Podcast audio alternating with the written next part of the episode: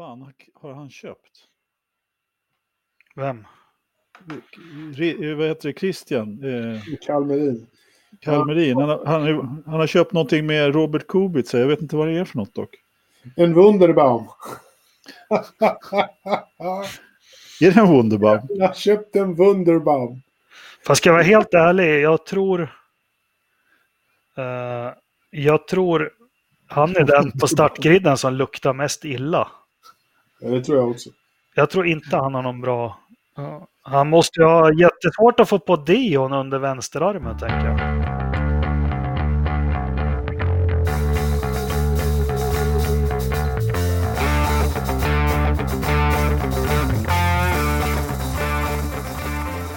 Men jag är också pressad. Ah, Halv fem måste jag vara klar. Ja, kör då. Då ska jag ut och Vad köra på? långlöpning. Ja, hej och välkomna till Forsa-podden nummer 53 idag. Du, eh, Jakob, tack så jättemycket. Kan du ta den där inledningen en gång till, fast med ett mellanrum innan Just så jag hittar den? Paus. Hej och välkomna till Forsa-podden avsnitt nummer 53. Tack! Pudden? Pudd. Nej, vi tar om det. Det vart ingen bra alls. Vänta, pa- okej, paus nu. Eller vad är det de gör? Fem, fyra, tre. Hej och välkomna till Forsa-podden avsnitt 53. Tack. Eh, tack. Ja, eh, bra. Nu är vi tillbaka här med avsnitt 53,5. Det är, vi är bara två idag. Halo. Ja, vi, vi är bara två nu. Vi var tre tidigare, men vi har tappat en gubbe som eh, bytte dator så att vi fick skrota precis hela inspelningen. Så nu sitter vi här mitt i natten och försöker göra någon slags återinspelning av det vi redan har spelat in en gång på tre man och nu ska vi återberätta det på två eh, lite trötta. Det ska väl där. sägas att Ternström är i Schweiz och fixar bokföringen och Ridderstolpe fick bråttom till Italien för att kolla om de här, vad italiensk media egentligen. Ja, han håller på och källkollar italiensk media där. Ja. Helt klart. Det är bra att det är någon som gör det. Han skulle någonstans södra Italien också så att han Oj, oj. Han kanske åker till eh, det här Formula Medicin också när han ändå är i farten. Så att, eh, Men det var ju något med sophantering han skulle ge sig in i någon business. Eller ja, just det. på Så- någon så- ö där i södra, Mm. i, vad heter det, Sis, i, ja, precis. ja. Ja, ja, men det, det ska vara lukrativt har jag hört. Ja, nej, men vi försöker ta oss igenom det här. Då kanske vi, då kanske, nu är vi bara i två Anders, då kanske vi hamnar under två timmar. Vi får se. Ja, man vet aldrig. Det kan, det kan funka. Jag sitter i mitt garage. Ja, härligt. Jag sitter, jag, den förra inspelningen som vi gjorde, när vi, då vi naturligtvis hade fantastiska insikter och jättebra diskussioner och jag gissar rätt på temperaturer och allt möjligt. Då satt jag uppe i mitt uterum i, i fåglarna kvittra. Nu har jag fått gräva ner mig i källaren här i Tullinge igen, så nu, Ja. nu är det lika tråkigt som vanligt. Ja. Eh, nu får jag besök här. Får du besök också, mitt ja, i podden? Det är min dotter och min mamma som... Jaha, Ja. okej. Hej, Vill de hej vara då med? mamma. Nej, jag ska bara... Hej då, tack för ikväll. Ja. Hej då Alice. Hej då. Uh, ursäkta mig. Ja, det är lugnt. Det är absolut inga problem. Sånt där, kryd, sånt där kryddar ju lite. Ja, alltså jag är fortfarande irriterad på att jag inte beställde den där ölen i, eller i podden som du sa åt mig förra veckan. Eh, Men det var jäkligt rörigt och hon som jag försökte beställa ölen av, hon var helt puckad, ursäkta eh, så, men de, personalen där i baren, den var inte riktigt, så jag var tvungen att ta till lite, ja, Bryska metoder. ja precis, som man skulle ha någon öl. Liksom. Så att, eh, hade det varit en normal bar så hade jag gjort det i direktsändning. Men, men skitsamma. Ja, men det är väl skönt för alla lyssnare att se att Engelmark har faktiskt relationer. Sen om de är bra eller dåliga, det är en annan sak. Skit i samma. Jag, jag är glad att det förra avsnittet, nu har vi faktiskt två avsnitt som vi inte har eh, publicerat. Ja, men jag tänkte också på det. Vi har tre. Tre- Jag är jättesugen på att höra det första. När vi, Ja, det har förmodligen Ternström raderat. Han är ju städnarkoman, så han har ju antagligen tagit bort det överhuvudtaget. ja, Men, men sen så hade vi faktiskt ett avsnitt som, eh, som vi spelade in, kommer du ihåg det? När Ternström började med det här som vi spelar in nu på Skodcast. Eh, han hittade ju ett annat sånt här program som man spelar in varje röst för sig. ja, Och det fick ju inte han att synka ihop, så då har vi ett avsnitt som inte är publicerat. Och så har vi då avsnittet eh, som vi spelade in tidigare idag. Eh, som inte heller är publicerat. Men eh, det avsnittet som är tidigare, vi, det skulle man kunna lägga ut. Men det blir jäkligt tyst emellanåt när Ridderstolpe pratar. Så att, eh, Ja, jo, det är sant. Sen är ju jag glad för ni, ni ska veta lyssnare att det var, det var ungefär 65 minuter ren och skär mobbing av, av Engelmark. ja, ja, men det är, på något vis så måste det publiceras för allt jag sa var ni emot. Jag Ja. hade gaddat ihop en och så förbannat. Om jag så sa att titta ny forskning visar att jorden är rund. Nej, nej, nej, det där går inte. Så, ja, men nu Nej, kör vi igång. Eh, Det är inte så jäkla mycket. Det har varit lite Indycar och så har vi Formel 1 här och vi har lite rykten och sen har vi lite övrig racing som vi ska tänka ta tag i. Tyvärr, Ridderstolpe har ju koll på vårt stjärnskott som vi har sagt att vi ska följa Joel Bergström va, som kör gokart i Italien. Mm. Eh, tyvärr så han kommer hem till Sverige och kör eh, lite SM här i helgen. Ridderstolpe rapporterade i det avsnittet som inte kommer ut om det. Tyvärr får vi inte med det. Men eh, Joel kommer hem och kör i Sverige och det blir väl jäkla kul för dels för, för honom att få komma hem och dels för alla svenska småkillar som kör här nationellt och få mäta sig med honom. Men vi snackar lite Indycar och eh, Iowa. Eh, Ja. Jag såg ju inte loppet, men eh, jag fick inte igång det efterhand. Men jag var uppe på natten och ja, som jag sa tidigare, jag är ju i den aktningsvärda åldern att jag går upp en gång per natt och tittar till huset lite så att det inte Kolla läget. kolla läget, bovar eller banditer. Och då passade jag på att slå på tvn och då, då var det faktiskt så här att eh, precis när jag slog på tvn så låg Felix 21. Marcus låg eh, kloss med Hinch flera varv. Och de varven jag kollade så sjönk Dixon som en sten genom resultatlistan. Han hade ingen pace alls. Sen när jag läser resultatet då när jag eh, märker att jag inte får igång via Plays eftersändning eller att jag kan titta på ett replay så ser jag att Dixon slutar tvåa. Marcus är inte kloss på Hinch som han heter på via, via satsspråk. Hinch, viktigt. Och Felix har kört upp sig lite från sin 21 plats. Så Alo, vad hände i loppet? Ja, ja men, eh, jag vakade ju naturligtvis hela natten och såg, såg loppet. Nej, det var ju en eh, rejäl eh, regn. Det kom ju ett rejält regnoväder där som gjorde att det blev försenat. Så att sändningstiden var kanske inte den bästa eh, för svenskt eh, vidkommande om man, bor, om man är i den här tidszonen. Men det var så här. Eh, det, alltså loppet för det första var ju väldigt bra det hände väldigt mycket. Det var, eh, alltså de här kortovalen, den här banan för det första är ju rätt kul tycker jag. Man kan köra i flera spår. Men starten gick och eh, Marcus gjorde ju en, en rätt bra start. Han plockade ett par placeringar där på en gång och hakade på Hinchcliff. Som han egentligen heter på, på Forza-poddens språk. Hinch. Och, eh, Hinchcliff. ja, han ser ut som en kanadensisk skogshuggare också på något sätt. Ja, Ja, han men, ser, ja, ja, jag gillar inte alls hur han ser ut, men det tar vi ett annat. Det är nog obehagligt med hans skägg. ja, men, han- ja, men, ja, men han ser artificiell ut på något sätt. Ja, ja han ser ut som en DRS. Ja. Men ja, han ser ut som en DRS. Ja, herregud. Nej, men eh, Marcus i alla fall, han, han gjorde en bra start och, och klättrade där och eh, låg just klossrygg på honom rätt många varv. Felix däremot, han, alltså han har ju problem i, i kvalet dessutom och han inte, hittade ju inte riktigt rätt. Men han eh, fick ju Sage Karam framför sig så att han eh, körde av framvingen på honom när, Karam eh, snurrade där mitt i alltihopa. I början då, eller? det var precis i början så att eh, Ah. han tappade ju ett varv eller två där. Han tappade två varv. Eh, för jag tror att han fick tillbaka ett varv senare då när, när det var en gul flagga. Så, att, eh, ja, så det var ju kört redan från början kan man säga. Men han hade ju ingen fart i loppet överhuvudtaget. Och det hade ju inte heller Dixon. Som du sa, 21 plats liksom. Han... Eh, eller det sa du inte, men han sjönk som en sten sa du. Och det gjorde Ja, han det, verkligen. precis när jag kom in där i loppet så tappade han fart något helt otroligt. Ja, och, och det var verkligen så att han, han hade ingen bra fart utan han blev ju omkörd på löpande band. Och det, det var, eh, jag vet inte, de måste ha gått fel på, i Ganassi där på något sätt. För, och Felix, ja, det är klart att han var ju inte sist, det var ju inte, men eh, han, eh, gjorde ju, han, körde ju inte, han körde inte upp sig direkt, det gjorde han inte.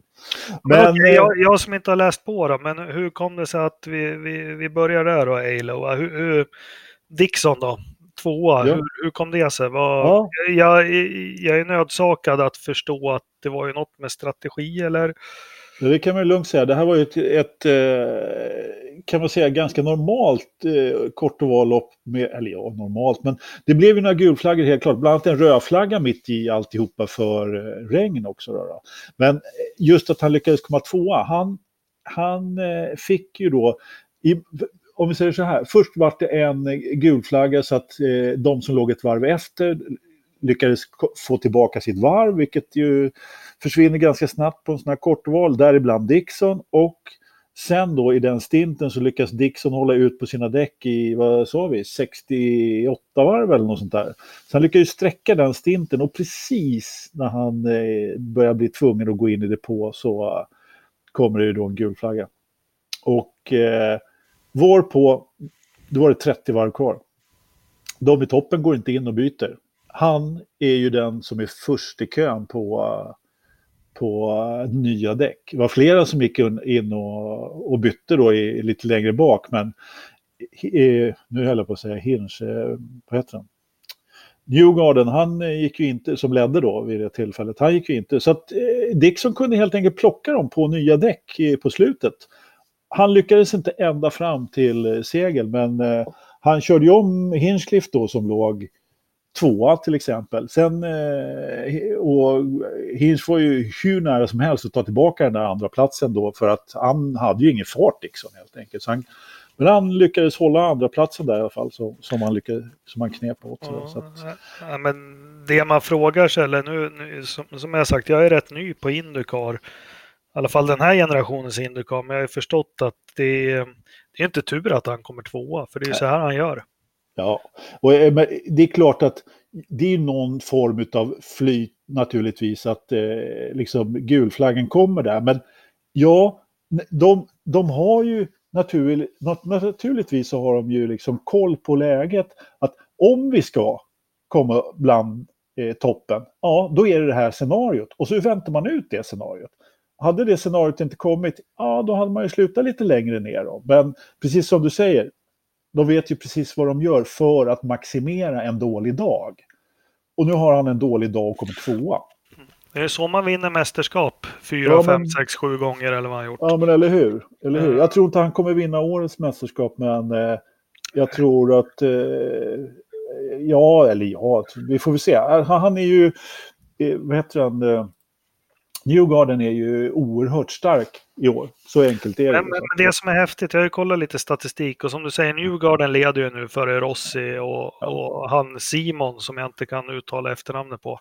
Pagano. Pagano. Men fan, han är väl fransman? Nej, men Pagano. Pagano. Pagano. Pagano. Ja, Ja, men de, de tre har ju ett väldigt tätt race. Sen ligger faktiskt Dixon där eh, 100 poäng bakom Mm. Newgarden. Och, och, men det som är kul om man går in och djupdyker i statistiken lite, där Dixon, när han kommer i mål, då kommer han topp 5. ja precis. Eh, hur många lopp har det varit i år? Har det varit 10? Ja, har det Ah, två, tre, 11, 12, 11 eller 12 va? tolv. 12, ja. ja men han, har, han har åtta stycken han har gått i mål och då har han gått i Ja. mål topp 5 och det är liksom, Ja. det är där och ja. Ja, ja, precis. Ändå har han några plumpar i protokollet i år, eh, Dixon. Eh, faktiskt då, då. Men, men eh, precis som du säger, det är ju topp fem när han går i mål. Det är, och, ja, där har ju, får ju Felix eh, har ju en, har ju en överman där, alltså, helt klart. Eller någonting att sträva efter och, och får han hjälp av honom och kan komma upp på samma låga nivå, samma höga lågnivå som eh, Dixon har, då har han ju, då har han ju bra Indycar-karriär. Och tittar man också, vi har ju uh, våran vän Will Power där. Och det är lite intressant också för han, han, han skrotar väl bort sina chanser förstod jag när vi pratade i förra podden, den som inte kommer ut. Ja, Men han ja. eh, gjorde väl en Marcus-grej i depån där. Och jag vill bara påminna alla, jag, jag vet inte om det var första eller andra loppen när vi satt den inför och så var det Lillövis, Stefan Johansson. Han, han är väl den svensken som har bäst koll på det här Indycar-startfältet. Men han sa Will Power, då sa han ja, men han är snabb tills han får brain fade. Och det där funderar jag mycket på. Så när jag kollat, det, alltså, ja, men han tar pole, han är ofta med tidigt i loppen, men det händer alltid någonting med Will Power sista tredjedelen. Nej, men eh, jag, jag kommer inte ihåg den där intervjun, eller jag missade den. Och, men visst är det så. Ja, det är klart han har koll, eh, Lill-Lövis. Det, det, är ju spot on, liksom. Han, Mm. huvudet på spiken och allt vad det heter. Liksom. Han har ju gjort... När, och jag skulle väl nästan vilja påstå att det var Ma- Marcus gjorde en willpower-grej. det var... Det var, det var och, och willpower som dessutom var... Precis, han var snabb. Han, var han ledde loppet. Han var, och när han inte gjorde det så skuggade Newgarden. hade bra med fart. Han kör för det bästa stallet hans, eh, ja, men han, han faller ju rätt högt när han gör en sån där, ett sånt där misstag. Alltså. Ja, men det får jag osökt Marcus då, som jag sa. Han, Ja. eh, eller, via satt språk, Mark. Han låg ju kloss på Hinge. Nej, men eh, eh, jag har förstått det. Jag har läst lite kommentarer. Var det någon, eh, var det någon liten incident med depån här igen? Eller vad, vad Ja, hände? en liten incident. Det var ett jäkla stort misstag. Det var inget litet misstag, utan han gjorde ju så här igen. Det känns ju som att han måste ju ta det lite kallare. Han, eh, han hade ju återigen, så här var det, han, eh, när han kom ut på andra stinten där så gjorde han ett riktigt bra jobb. Eller andra, det var, det måste bli tredje stinten. I vilket fall som helst, den näst sista stinten. Eh, han hade ju hängt med Hinch då eh, ganska länge. Sen, sen började han tappa lite, ramla lite bakåt, hade inte riktigt lika bra fart. Kom han ut på näst sista stinten och då började han plocka placeringar. Han Hade inte bara bra fart utan började plocka placeringar. Och han var i stort sett snabbast på banan. I stort sett, han var snabbast på banan. Han, han liksom åt på toppen. Då plockar man in honom i depå före toppen, före allihopa. Och det är mycket möjligt att det där var ett bra... De kanske inte ville ha trafiken i depån eller... Jag har ingen aning om vad själva an anledningen var till att man plockade in honom då. Han kanske ville ha lite fri luft där och, eftersom man hade så jäkla bra fart då. Just att han skulle slippa vissa bilar, de hade något fönster där. Ja, och då gör han precis som Will Power hade gjort då eh, en stund innan. Han eh, missar depåinfarten, har för hög fart in i depån och kör över den här linjen. Väldigt lite naturligtvis, men ja, det räcker. Det spelar ingen roll om det är lite eller mycket. Stop and go fick han ju före. Och han var Men vilken linje är det? Linjen där du skär in i depån Mm. eller hastighetslinjen? Eller? Nej, inte hastighetslinjen, utan där de, de, har, de har liksom en eh, depålinje som... Eh, ja, men det, det ser ut ungefär som på Formel 1-infarter. Liksom. Den linjen brukar de ju köra över hela tiden. Ungefär. Så att, eh, ja, så att, eh, det var ju naturligtvis jäkligt syd, surt. Och han kom ju ut till och med bakom Felix, tror jag.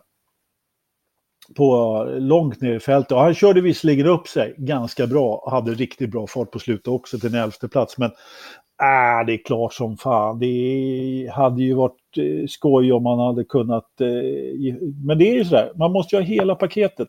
Eh, jag trodde ju han hade lärt sig det där från när han eh, snurrade på muren där. Nu hade han ju återigen ett riktigt bra resultat på gång och blev för... Jag vet inte om han blev för ivrig eller vad det är. Men blir, jag tror han, eh, eller jag tror, jag, vet, jag kan ju bara spekulera och det är väl därför Ja. vi har den här podden. För vi vet ju, vi vet ju ingenting. Men känslan som åskådare det är att eh, Marcus med detta är stressad. Han kör bra, han gör det bra och, och han är överraskande bra på ovaler också. Alltså där, där han hittar sin grej tror jag, kör ovaler. Men lite som vi var inne på, golfspelare, man säger ju att du kan få en huggorm i fickan. Mm. Och det innebär ju att du har ett väldigt bra resultat på gång efter 15-16 hål.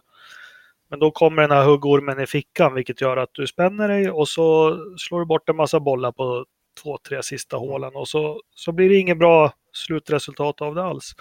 Kan det vara något sånt med Marcus? Blir han för ivrig eller inte nervös? Jag tror inte han blir nervös, men blir Nej, han för... det blir han nog inte. Eh, Men, men just det här viljan och, jag har aldrig hört talas om huggormen, men precis så är det nog. Därför att han blir, det, det blir på något sätt så han vill så gärna ha de här bra resultaten och, och överkör på ett eller annat sätt. Och han gör allting bra ända tills, tills, tills dess, så att säga. Det kommer någon sån här liten, ja nu säger jag liten miss igen. Det, är, det är, förstör ju loppet helt och hållet. Så att, eh, mm, nej, men det där, det, där det. med, man kan vara kritisk, men det där, alltså i ärlighetens namn, vi pratar elitidrott, det där måste han få ordning på. Han har kört nästan 100 Grand Prix Formel 1 och Ja, fan, fan Anders, det är alltså han, Nej, men han jag- gör det ju så jäkla bra på ovaler, det har vi sett Ja. hela tiden, men det håller inte att Nej. spinna i...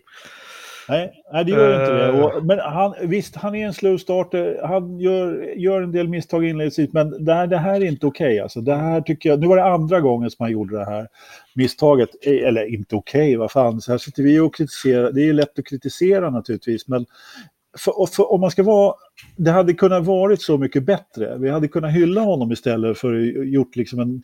Sen vet man ju inte hur långt det hade räckt och det, det spelar egentligen ingen roll. Och, och, men han hade bra fart och han hade garanterat tagit en har- stabil topp 10. Ja, men bra fart och komma in sjua. Det är ju det som han Ja. behöver och, och vi Ja. fans som följer det behöver också för att se honom genom andra ögon. Men jag vet själv, jag var för, för förra veckan och körde lite hyrkart i Västerås. så Jag hade också lite problem inne i depån och fick jävligt mycket skäll av, av någon snorvalp som sommarjobbade där.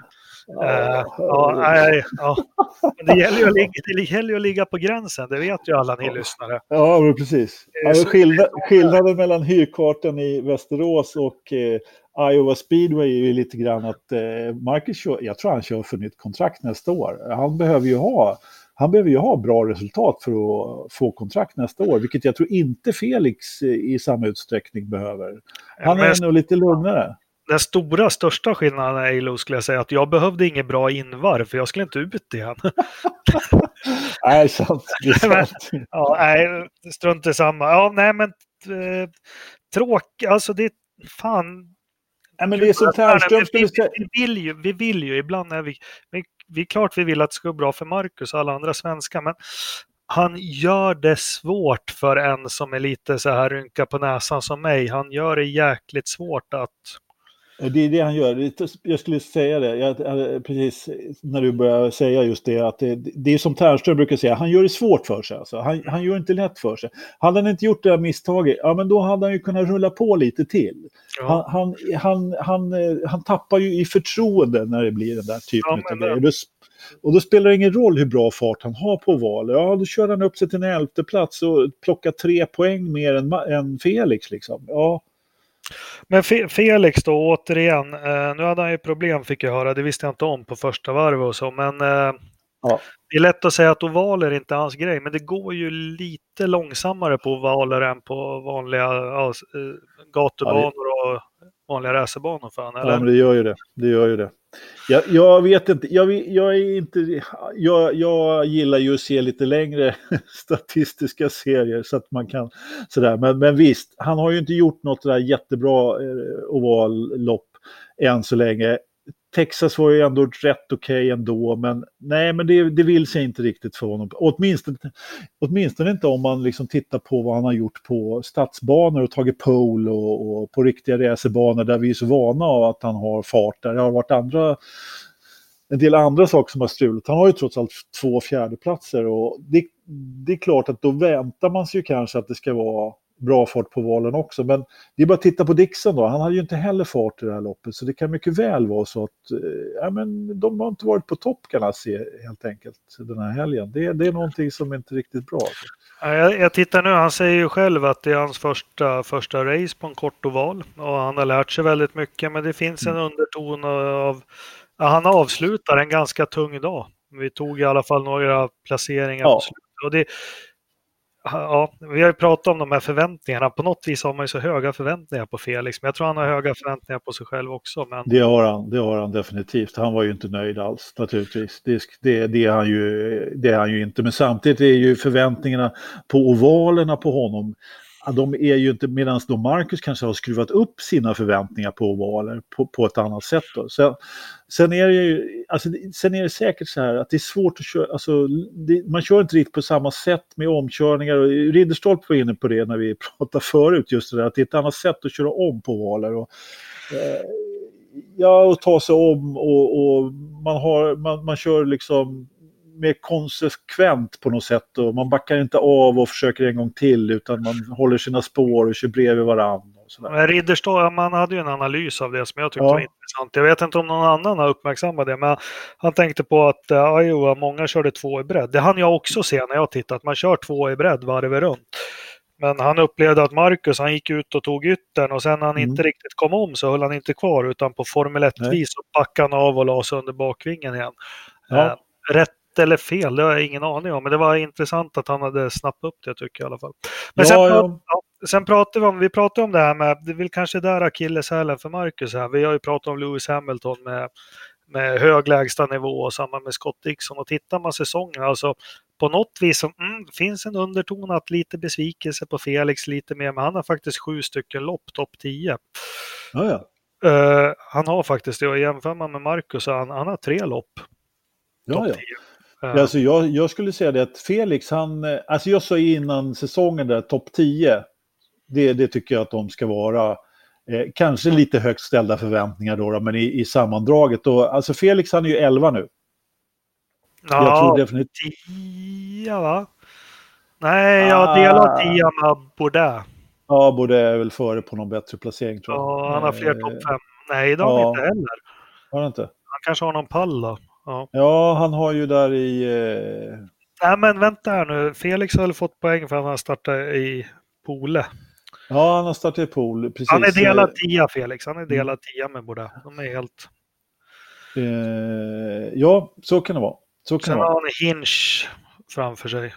Ja, men precis. Alltså jag tror nog att eh, Felix kan nog klättra och ta en topp 10 där. Eh, det är, det är fler, nu ska vi se, vad sa vi? Mid-Ohio, det är ju eh, riktig racerbana. Sen är Pocono. Och så är det den där som jag inte kommer ihåg vad den heter. Sen är Portland också en fin, riktig racerbana. Och sen så är det ju Laguna Seca. Så det är ju i alla fall en, två, tre riktiga bra Felix-banor kvar skulle jag säga. Sen är ju, ska du inte glömma, det är dubbla poäng i Laguna Seca också. Jaha, de kör det. Som på Indy. Ja, de kör det köret. Men eh, jag tänkte på Mid-Ohio här nu. Den, jag har inte riktigt... Är det... Ja, men det är väl en ganska frän bana har jag för mig, va? Med någon hårnål och... och... Ganska grejer, lång raksträcka och, och ja, det är svårt att beskriva i, i, i podd på hur banfan ser ut. Ni får googla upp en banskiss. Jag gillar den skarpt. Jag har sett många kul Indycar-lopp där. Och inga grusfållor eller asfalt, utan det är väl gräs utanför Ja, det är som vanligt. Jag har faktiskt, eh, det var länge sedan jag såg något lopp där, men eh, det ska bli jättekul att se den banan igen. Jag har goda minnen och bra lopp från den. Jag tror, jag tror Felix smäller in en, en prispall nu faktiskt. Ja, han har ju varit så rackarns nära så att det vore väl fasiken om inte hans pall kommer snart, helt klart. Till och med Marcus har ju varit på pallen. Ja, till och med Marcus. ja, nej, Nej, men det är, nej, men det är ju det är precis som jag sagt förut. Det är bara att kolla Felix. Hans lägsta nivå är betydligt högre. Det är som du säger. Hur många topp 10 hade han haft? Så? eh, sju. Hur ja. ja. Ja, den som lever får se. Race i helgen, Mid-Ohio. Det, vi får hålla tummarna för det. Ja, ja, Ja. men kul. Jag, jag tycker det är, det är kul med ovalracing också, men det, det tar tid för en annan att, att lära sig uppskatta det. Ja, men det, det här loppet var på något sätt eh, lite mer komprimerat och vallopp. Det var lite synd att det gick där mitt i natten morgon så att, eh, så att inte fler såg det. Därför att det var lite, eh, jag ska inte säga lättare att förstå, men, nej, men det, det, det blev utjämnat i takt med gulflaggorna där också. Och, man såg de här strategierna, ja, men som Dixons, eh, deras, eh, hur det betalade sig och att de hade nya däck. På. Det, var, det var liksom lite mer eh, Formulär 1A ovalracing. Jag är inte så jätteförtjust i de här högfartsovalerna, de här långa rackarna. De här korta är lite kul, skojigare tycker jag. Men vågar man vara lite ifrågasättande här och vågar vi vara det? Eh, Jaha. Jag tror att som många av oss som tittar, det är en ny upplevelse med Indycar och med ovaler. Och jag tror, eh, jag har ju pratat privat med både dig och Ternström bland annat, att ja, få lite tips hur man läser av ett race och, och, och liksom Ja. och så. Och det krävs lite rutin och, och jag kan läsa lite mellan raderna i kommentarerna och så att man kanske inte får den här jättehjälpen i tv-sändningarna av de som leder sändningen. Nej, Att hänga med i, i vad som händer. För det är trots allt så är det inte traditionell Formel 1-racing som man tittar på. nej, det är ju inte. Samtidigt så är det ju ingen eh, jätteavundsvärd uppgift att försöka få med dem. Jag tycker ändå att Göransson har varit bra som bisittare vid några tillfällen här. Eh, och eh, försökt att förklara det på ett bra sätt. Nu, eh, men, men jag håller med dig till viss del där. Det är inte helt lätt att, att, att hänga med i turerna. Däremot så är det ju så, det finns ju Indycar-radion som är helt eh, gratis som man kan lyssna på från appen på de amerikanska kommentatorerna. Den är ju, där får man ju riktigt bra information skulle jag säga. Nej, men jag, jag tror man behöver lite så här väg, vägledning. Ja. Att, uh, nu händer det och det och det kommer innebära, för det är ju mycket med att det ja. som händer i början kommer innebära någonting i slutet som det inte är i Formel 1. För Formel 1 Visst är ju statiskt. Det är ju för, det, det, är statiskt. Ja, ja, hur som helst. Ja, men vi ser fram emot Mid Ohio, en riktig racerbana och så en dubbelt svensk på pallen. Ja, Jaha, till och med det ja. Precis. Ja, ja det vore ju skoj. Ja, eh, det skulle vara bra. Jaha, ska vi stänga in dörren då? Lite Formel 1. Vi har ju Tysklands Grand Prix här på Hockenheim som, som står inför oss i helgen då. Men det är svårt att snacka upp Formel 1-race, det upplever jag i alla fall. Men det är lite rykten om, om vi startar med vad, vad ska vi starta med av alla dumheter som har kommit ut i veckan? Ja, men vi börjar ja, så här. Eh, eller det som inte är ett rykte, det är att Alonso själv har sagt att han kikar inte på Formel 1. Och det är tyvärr.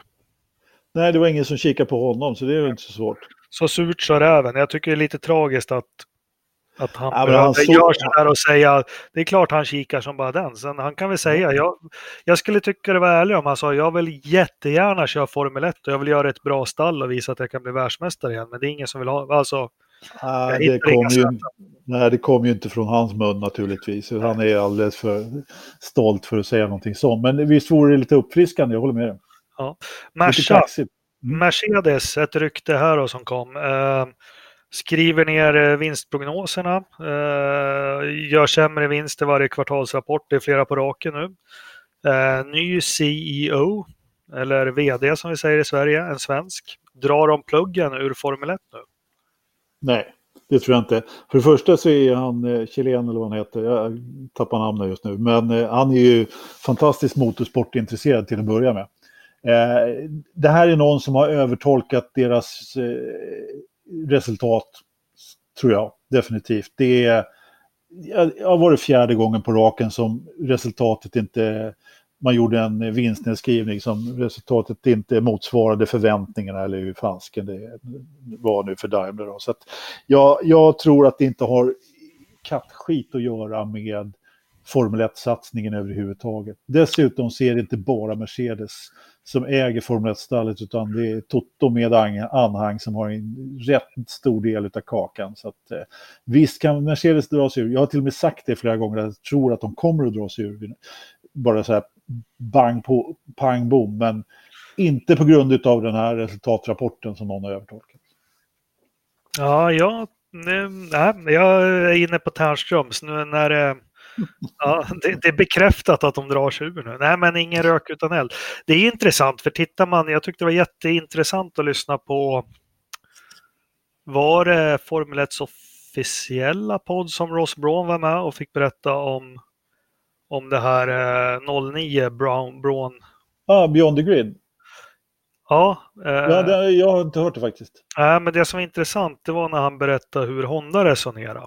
Okay. När de drog ur pluggen eh, i slutet av Det är ju intressant. Ja, intressant. jätteintressant. Och mot bakgrund av eh, att Mercedes gör sämre vinst och så. Men som Honda resonerade, som jag förstått att Toyota resonerade och BMW också, att Går det dåligt så måste man dra ner på kostnader och det första man vill dra ner på då det är kanske att det, det känns inte okej okay att säga upp tusen eller två eller tre tusen personer någonstans och sen driva ett Formel 1-ställ för, för, för en miljard. Det var så Honda resonerade.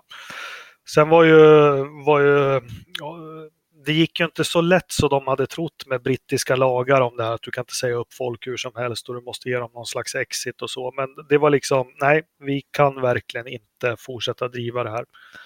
Uh, det ser inte bra ut.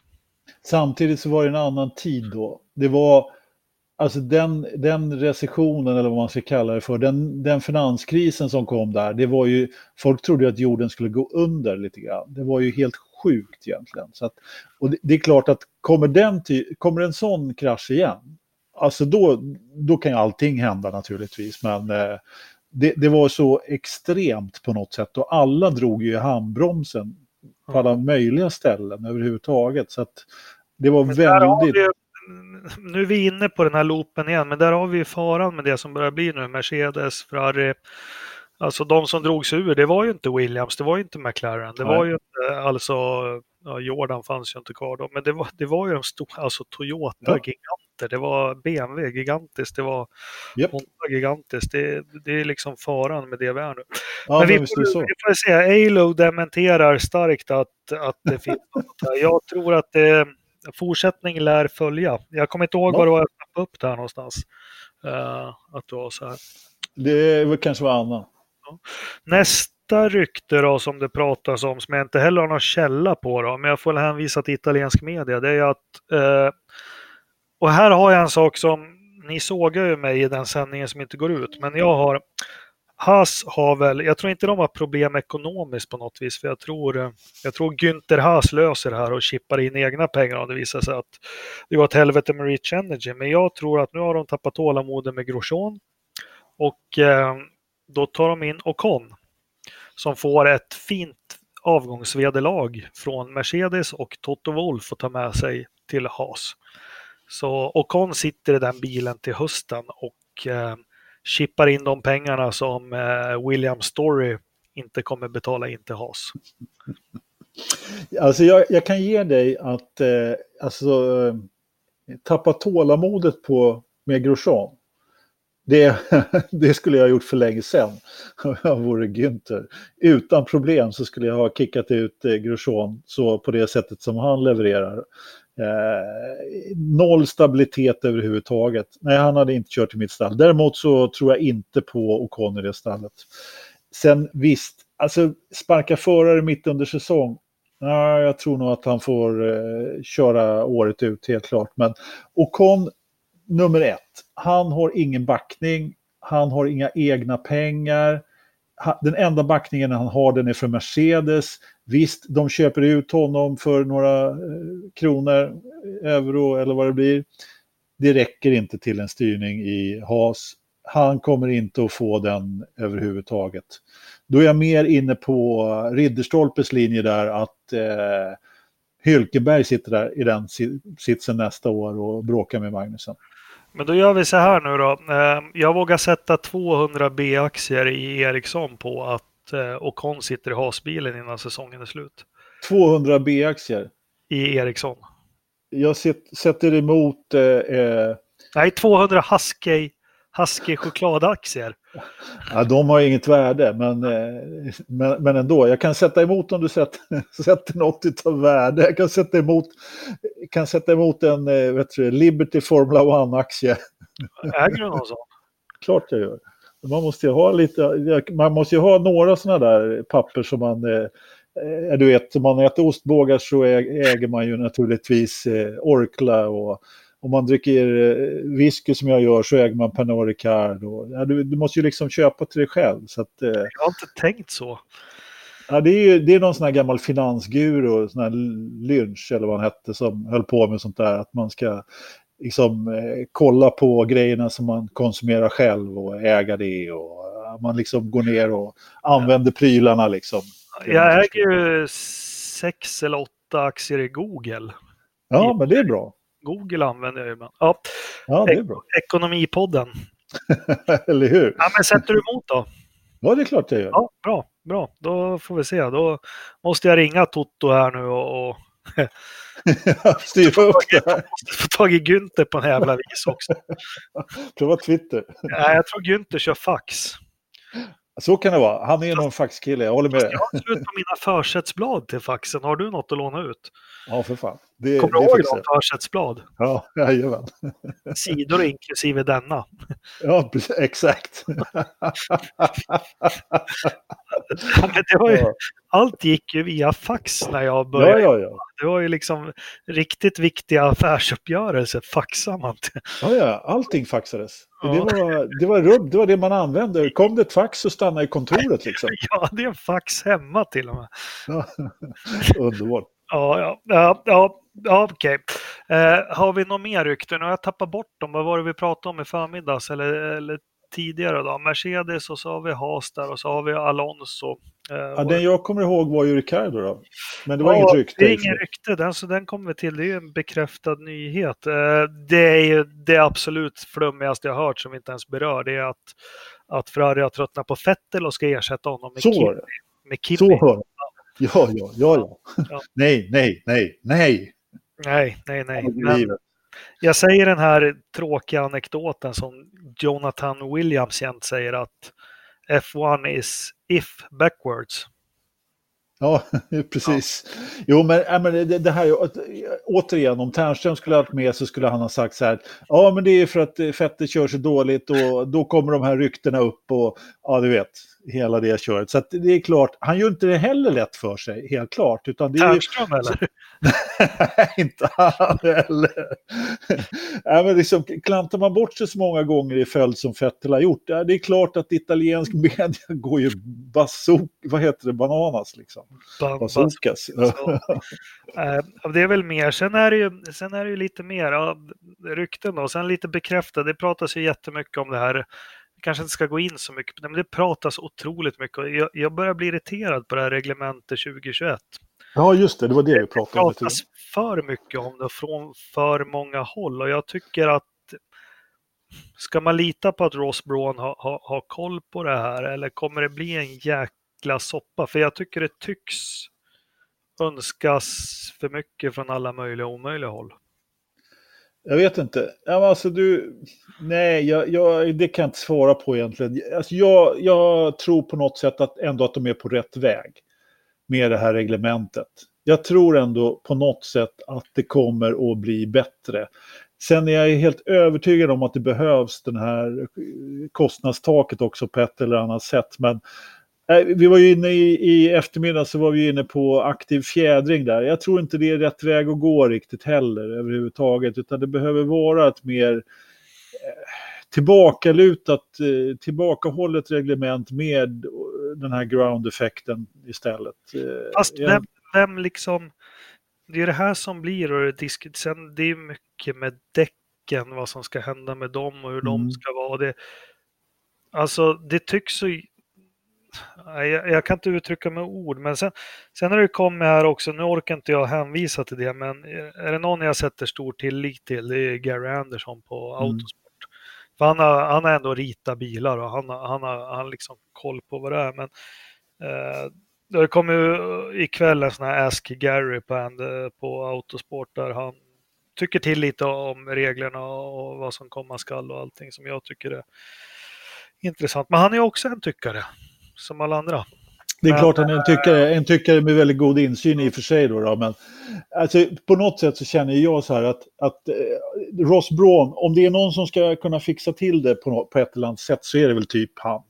Fast Vem- han, det Gary Anderson säger också kort, liksom, det som diskuteras nu var ju det som Ross Braun alltid har jobbat emot mest av precis alla i Formel 1 förut. Men då Ja. han i röda kläder som han sa och, och, och Schumacher vann allt. Ja men precis, exakt. Det var ju hans jobb att motarbeta det då. Så att eh, nu, nu är hans jobb att, att jobba för att få ett jämnare startfält och en bättre produkt. Ja. Ja, det är klart att han står på andra foten då. Det är, det är inte alls konstigt. Och jag tror ju att på, på ett eller annat sätt så var ju Ferrari var ju extremt starka tidigare och de har, de har fortfarande, eller fortfarande, eh, de har ju åt, tillskansat sig så stark, eh, så starkt eh, liksom kopplat sånt grepp om Formel 1 överhuvudtaget, så alldeles så rädda. Vi har ju snackat om det här flera gånger också. Man måste vara rädd för att tappa Ferrari helt enkelt. Jo, men jag börjar bli inne. Jag, tyck, jag tyckte på riktigt att Ternström sa ju det här för ett år sedan. Jag vet inte om han sa det i sändning eller inte. Jag tyckte, ja men gamla gubben, han är ju bara bitter. Men jag, jag börjar... När Farkas ersatte dig med den äran i den här podden och liksom berätta lite att Ferrari betalar verkligen inte ett öre för att vara med. Nej. De betalar inte ens spänn, tvärtom. De går plus liksom bara på kepsförsäljning. Ja, ja, ja, ja. Eh, och, och jag tror också att man måste vara... Men, men- men det, det man märker nu är att många börjar bli rädda för och, och jag vet inte vad jag ska tycka i den frågan. Det är att det börjar gå mot mer koncept och enhetsbilar i Formel 1. Och fan, jag börjar fundera sista nätterna, är det här så jäkla bra egentligen? Alltså, jag vet inte riktigt vilken fot jag ska stå på där, för jag gillar ju inte heller att det ska gå mot enhetsbilar. Men samtidigt så är det på något sätt som att man måste nog ändå gå åt det hållet och få bort alla jäkla vingar då när, när Red Bull ligger liksom 600 millar på att utveckla en vinge som är eh, liksom redan innan säsongen. Och, ja, eh, de här dumheterna rent ut sagt. Och men, men ett av problemen är ju precis det som du säger, att Ferrari betalar ingenting för att köra i Formel 1. De har en, en gratis plattform. Och så här har det inte alltid varit, utan det här är som de tillsk har tillskansat sig på senare år överhuvudtaget. De här pengarna som kommer ifrån eh, från, jag menar, jag kommer ihåg då på när Schumacher gick till eh, Ferrari 96. Japp. Ja, det var ju det var inte så att Ferrari hade ju de, de betalar en ganska stor del av budgeten då som de inte fick in och, och Schumachers lön betalades ju av Philip Morris med... Ja, det själv som betalade till och med? Ja, det, det, det är en del. Man satte upp ett bolag i Schweiz faktiskt. Det är kanske det som Ternström är och ska avveckla det. Ja. För, man, man satte liksom upp en egen bolagsstruktur för alltihopa det här. Eh, för att få in och, och så vidare. För att driva alltihopa och hela klabbet. Så det var en riktig uppgörelse. Jag tror vi kom från ämnet lite grann. Men ja, vi, ham som... vi hamnar ju alltid, vi hamnar ju alltid ja. vi, vi får ha en extrainsatt podd och liksom gå i djup i det här. För det, vad fan, vem är jag att tycka och tänka? Men jag tycker du tycks och tänk och, och det, det jag blir så förvånad att Formel 1 som är en av världens största sporter och det är intelligenta människor, det skjuts så jäkla mycket från höften, alltså lösa mm. skott. Tankning eller inte, alltså det är inte ja. det. Det är, det är inte det som är problemet. Alltså det går mycket, mycket djupare i än att man ska tanka bilarna eller inte. Ja, absolut, absolut. Och det där snackade vi också om i eftermiddag som inte behöver komma ut så mycket. Men jag menar tankning, vara eller icke vara. Hellre då att de begränsar, som Ridderstolpe sa att det var 300 man som bytte däck. Ja, men hellre då att de låter begränsar antalet personer som i depån, om det nu ska göras depåstopp. Liksom, och få ordning på det här jävla däckreglementet. Ja, men det pratar vi om. Ursäkta, nu börjar jag svära också. Jag blir så upprörd där. Vi, vi, vi, hade ju eh, förslaget att vi, eller vi och vi, någon av er som kommer i briljanta förslaget att skippa det här att man måste köpa två olika däcksorter. Det är jag helt för alltså. För att få lite ordning på, på Sen skaffa en leverantör som kan göra däck också, för det, Alltså det kommer, jag, det kommer jag ihåg när Pirelli gick in här, det sa ju till och med i Älg då direkt att fan, Pirelli har aldrig kunnat gjort däck någonsin. Nej, men, eh, ja, men, det är, ja, men nu är jag ju där själv och börjar peta i små detaljer. Men ja. alltså, det, det, är något, det är ett nytt reglemente men sen måste ju Formel 1 ändras strukturellt. Men nu, ja. som sagt, vi gled ifrån det. Men vad, vad, vad, var ämnet? 2021? Ja, ja, det var... Det jag, till, det, det jag vill då, det var jag inne på sist. Jag vill ha lättare bilar. Det brinner mm. jag för. Jag vill ha lättare bilar. Sen vill jag att de släpper det här reglementet så sent som möjligt. Och det vill jag av flera anledningar. Men en sak, Ross Braun säger att de hade satt upp bilder på alla Formel 1-bilar som, som kör. De tio olika modeller som finns. Vitmålade på kontoret. Okay. Då hävdade han att det bara var tre stycken på det kontoret där han sitter som är väldigt initierade som kunde peka ut vilken bil som var vilken. Uh, och det säger ju mig att då har ju Formel 1 på något vis har ett reglemente, något som har blivit en enhetsklass. För det är ju inte som när vi var unga att det dyker upp en Ligier med en jättestor airbox eller en Nej. Tyrell med sex hjul eller en Lotus 76 med dubbla bakvingar eller ja. Nej, alltså det, nu för tiden så kommer det ju, alltså det, det möjligen man, som, som finns inom reglementet att man kan göra är ju liksom en kolfibervinge någonstans som knappt syns överhuvudtaget som han den här illustratören i Autosport, eh, Piola där, som han får gå med te, teleobjektiv och fota och rita av sen och göra en stor pil på så att man ser vad som, är, liksom vad, vad som är stora skillnaden egentligen. Så att, eh, det kan jag ju hålla med om definitivt. Men alltså det här med jag, är, jag, jag, jag, till viss del kan jag hålla med dig där om eh, lättare bilar, men jag tror att det är svårt i och med att utvecklingen har gått åt det hållet det har gjort med säkerheten och hela kittet, som man har blivit tvungna att, Och det var som jag sa, när jag, att jag la ut den här bilden då på en eh, 79ans, eh, och du hade ju pratat om det i en tidigare podd för länge sedan också, 79ans Ferrari och en bil från idag, hur man ser hjulbasen är ju betydligt längre. Det är en stor bil helt enkelt och Formel 1-bilar, de är inte stora. Nej. Men här ser man ju ändå skillnaden, liksom. hjulbasen är en halv meter längre. Liksom. Nej, det är mer. Det är 1,20 tror jag. Oj, Ja, men det är. Jo, Jag men det är. Ja, men jag kollade upp det där för ett halvår Ja. sedan. Och det, och det är ju att golv är, fast jag begriper, men golv är ju så jäkla viktigt nu. Det är Ja. där Mercedes kör ju med en två centimeter längre hjulbas, då får de två centimeter mer golv att jobba med. Och, Ja, precis.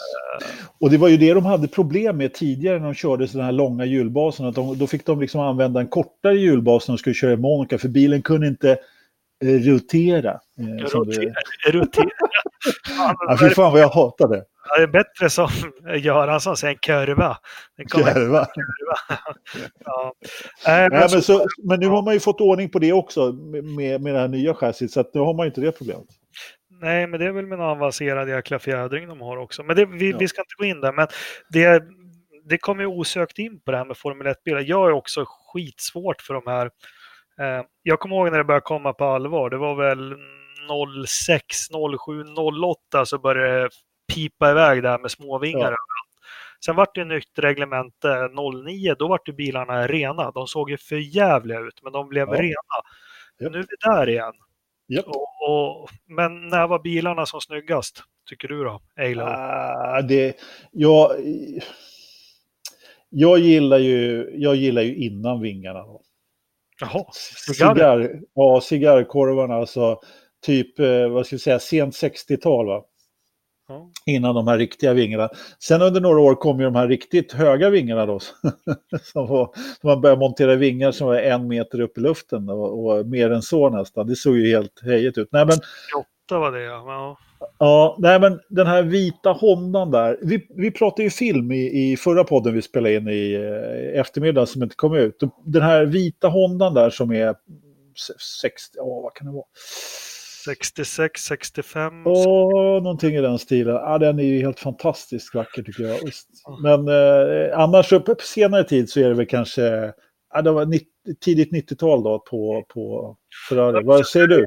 Ja, jag, jag håller nog med. Eh, ja, men jag, fan, jag landar nog. Alltså det som är maffigast och mest skräckinjagande, det är en bild jag har på näthinnan när Mansell kommer ut ur Rouge, Rouge 1992 Ja, i sin svinlätta Williams med superbreda däck och den är så jäkla Mm. ren och man ser fast det är en stillbild att fan det, det där, att det går fort. Mm. ja, det går fort och han brottas och det krävs kraft och, och allt. Jag ska lägga ut den på Forza-forumet, eh, den Bra. bilden om jag hittar den. Så jag måste nog säga att tidigt 90-tal var nog, Ja. då var det de Ja, som mest Bästarna var ju på 80-talet, men de såg ju bara fet, Ja. klumpiga och ja, men de såg ut. Eh, ja, men alltså, jag gillade ju inte färgsättningen på Williams, annars så, så är jag med dig där helt klart. Men eh, Ferrarin där var ju, när inte den såg ut som ett rullande Marlboro-paket så var ju den rätt snygg där när de hade rätt röd färg. Vad sa du? 640 som Ja, så kanske den hette. Jag är dålig på de där beteckningarna på. Ska Ferrari börja med svarta vingar igen? Ja, Det kanske Man är vet det. aldrig. ja de har ju fel färg ändå på bilfan nu. Så att det, den är på något, det är ju mattröd på något sätt. Så jag vet inte vad de har hållit på med egentligen. Kommer du ihåg 97 när den var typ orange? Ja, herregud. Jag, tycker, jag försöker i och för sig glömma det, men nej, den var inte vacker. Nej. Oh, ja, eh, fan nu tappar vi bort oss helt här. Eh, Fullkomligt. Ja, men bekräftade nyheter som inte... Ricciardo är lite i blåsväder. Han har aldrig varit i blåsväder på något jäkla vis. Inte ens Nej. nära. Nej. Och så lyckas han göra sig osams med, med sin rådgivare. Det är bra Ja. jobbat. Och rådgivaren han vill ha 10 miljoner pund och en eh, tillgång till en Renault Megane. Läste jag istället. Ja, men det, det stod ju verkligen så. Ja, helt underbart. Nej, men det är ju uppenbart att det är någon form av kontraktstvist där. då. Eller, eh, Ridderstolpe beskrev det här väldigt bra som inte jag riktigt klarar av att göra i, i eftermiddagssändningen. Vi får ta in honom igen på, på videolänk från från sopstationen i Neapel. Men eh, alltså, grejen var i alla fall att han, eh, Ricardo hade en rådgivare från 2012 eller 2013 som, eh, som har gjort alla hans affärer och eh, som dessutom hävdar då att han eh, började prata med Albert Bull 2017 där, mitt, mitt in i, eh, på sommaren där, om bytet till Renault. Och dessutom då ska ha någon klausul, vilket betyder att han ska ha 20% på alla kommande intäkter. För kommande kontrakt, så att säga. Och eh, det här kontraktet har ju då Ricardo sagt upp. Eh, men så blev det något strul då att man är inte överens om när kontraktet avslutades och om det här kontraktet, om han väl han på, Bivis, eller vad han hette, han har påstått att han har förhandlat med Renault medan Ricardo, hans nya agent, då påstår att nej, nej, nej, det var inga kontakter tagna där, utan det här har min nya agent förhandlat. Så det är väl i korta drag liksom, vad, det, vad det handlar om. Ja, ja, vi får se, men det, Ricardo uttalar sig lite att det här stämmer inte alls, men det, det verkar snårigt och, och konstigt och allt. Men no, någonting har ju hänt. Ja, uppenbarligen. Och, alltså det, jag vet inte hur Ricardo är som person, men utåt sett så är, verkar han ju inte vara så där jättelätt att göra sig osams med. Alltså, så att han verkar ju vara, här, om, man, om man rent objek, liksom objektivt utifrån ska se så, så verkar det ju som att eh, det är en riktig snålgubbe den här, hans tidigare agent. Eh, och det är väl så agenter ska väl vara bra, men blir man osams med dem så, ja, men lite det som, ja, Ridderstolpe hade en jättebra sammanfattning, men lite det som, det som verkar vara på något vis, det är att Ricciardo verkar hävda att kontraktet med Renault är skrivet efter han hade avbrutit samarbetet. Ja, precis. Och det är väl det, och, och alltså där Ricciardo är anställd av Renault, nu är det klart Cyril hjälper honom att få fram ett kontrakt som är påskrivet det datum med Ricciardo önskar att det ska stå på. Det. Ja, han hävdar väl att, att förhandlingarna hade liksom inletts innan också. Så att det, de hade nog inte skrivit på det. Det, de, det stod till och med i artikeln när det var påskrivet, eh, om det var april där någon gång, eller hur det var, eh, innan säsongen, eller ett par dagar innan eh, säsongstarten var det, innan ja, Melbourne. Ja, precis. Och det är ju skitsnack. Ja, det är skitsnack. Ja, det är ju skitsnack. Men eh, då kommer också att även ett muntligt avtal är ett avtal. Och det ja. finns ju ganska mycket presskonferenser och sändningar där han Jag tror att han, eh, Bivis där, eh, är ute efter en, eh, förlikning. En förlikning ja. ja. Det är jag inte övertygad han, han, ska, han ska mjölka sin kassasko lite grann till där. Han är, han är sur för att han inte fick eh, behålla uppdraget. Han får två miljoner pund och så får han eh, vika sig. Han får åka Renault Clio istället för en Megane. eh, andra nyheter som kom ut här nu ikväll apropå nya bilar och allting. Jag glömde, jag glömde ta det. Eh, intressant som det pratade. Det, det, har ju blivit väldigt mycket att det ska vara jobbigt att köra Formel 1-bil och jag, jag, är en av de som tycker att det ska vara jobbigt. Eh, min nya idol, Lando Norris, ja. går ut och säger idag att F2, much harder physically, physically than F1. Ja, men alltså att eh, mycket tuffare att köra en F2-bil än en F1-bil. Och då ja. har vi hamnat jävligt snett tycker jag. Ja, det kan jag verkligen hålla med om. Jag såg den där artikeln också. Det, var, eh, det, det, det håller jag helt och hållet med om. Och ändå så gjorde man det ju lite svårare då. Eh, eller man, man, eh, man tog ju bort lite hjälpmedel, när var det? Till vilket år var det? Och man gjorde däcken bredare och så vidare så att det skulle bli lite mer fysiskt. Det är två, tre år sedan. Nej, 17. Ja, ja. Ja, 17 ja, precis, exakt. Så att, eh, men tydligen är det fortfarande ändå jobbiga. Jag, jag vet inte, jag har haft den där känslan länge att F2 är en eh, nästan svårare serie och, och än eh, F1 faktiskt i, i ja. vissa lägen. Men det där är också någonting som alltså jag vet inte om den nya målgruppen bryr sig, men för oss gamla målgrupper så tror jag det där är också en sak som är, jag tycker i alla fall det är viktigt att att eh, kommer du från F2 eller från, det är många som har gått från F3 och sånt också, då, då ska, ja. det ska vara tufft. Ja, det ska vara jäkligt tufft att, köra Formel 1 och inte bara för att det är två timmar och långa lopp utan eh, nej, men det ska vara svårt att, att ta steget, helt klart. Jag håller med dig. Jag kommer ihåg när man spelade hockey, man fick börja spela, gå upp och spela A-lagshockey fast man var junior. Det var ju liksom något helt, det var ju något helt annat liksom. Ja, ja, Jag kan, inte riktigt jag kan inte riktigt relatera till det. Jag har bara spelat eh, pojklagshockey. Jag kom aldrig så långt som till A-laget. Vilket lag spelar du i då? HV71 naturligtvis. Ja, ja, ja. ja. Fan, du pendlar Så, långt. vad ifrån. sa jag? Vänta lite nu, vad sa jag? Jag sa HV71. HV71. Ja, Ja, inte, nej, inte Huskvarna Vätterstad. Ja. Jag, jag, jag spelade i TH75, eller Hanviken. Naturligtvis. ja. Jag vet inte var HV kommer ifrån. Och det bara HV71 liksom- var inte uppfunnet när du spelade. Nej, precis. Exakt. Nej.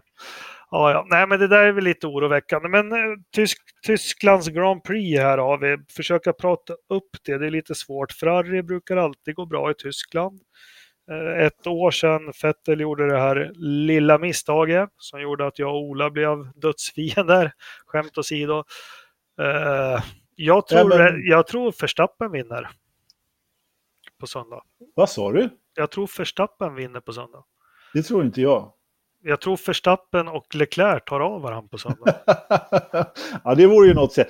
Det, ja, på något sätt så börjar ju, ja, men, ja, men Hamilton vinner och, och Kubica kommer sist, som jag sa i förra sändningen. Men alltså, på något sätt så kommer ju eh, den här, den här, deras fight, Leclerc och eh, Verstappen, den börjar man ju se fram emot. Det, är det, är det, liksom, det kan ju bli en nytändning för Formel 1 överhuvudtaget. Japp. Alltså Storbritannien där och deras fighter och då innan då, eh, när var det loppet innan? Jag bara tappade tråden helt. Österrike. Just det, precis. När, när eh, han tryckte av honom och inte fick ett straff. Så att, alltså det kan ju naturligtvis bli ett litet antiklimax då, men, men eh, det är bara att hoppas att de kommer i samma sekvens på banan igen och, och får fightas återigen. Och det kan ju bli helt fantastiskt ner mot eh, Hårnålen där det går att köra flera olika spår i bredd och eh, det går att komma tillbaka nästa kurva och hela det köret. Och DRSen då ner i ner mot hårnålen. Ja, det kan bli riktigt skoj. Jag hoppas att de är på samma våglängd, Ferrari och eh, Red Bull. För att Red Bull har ju tagit lite... Det känns som att de har tagit steg framåt. har de? Ja, oj, de har tagit jättesteg framåt, herregud. Ja. Och särskilt i racefart också.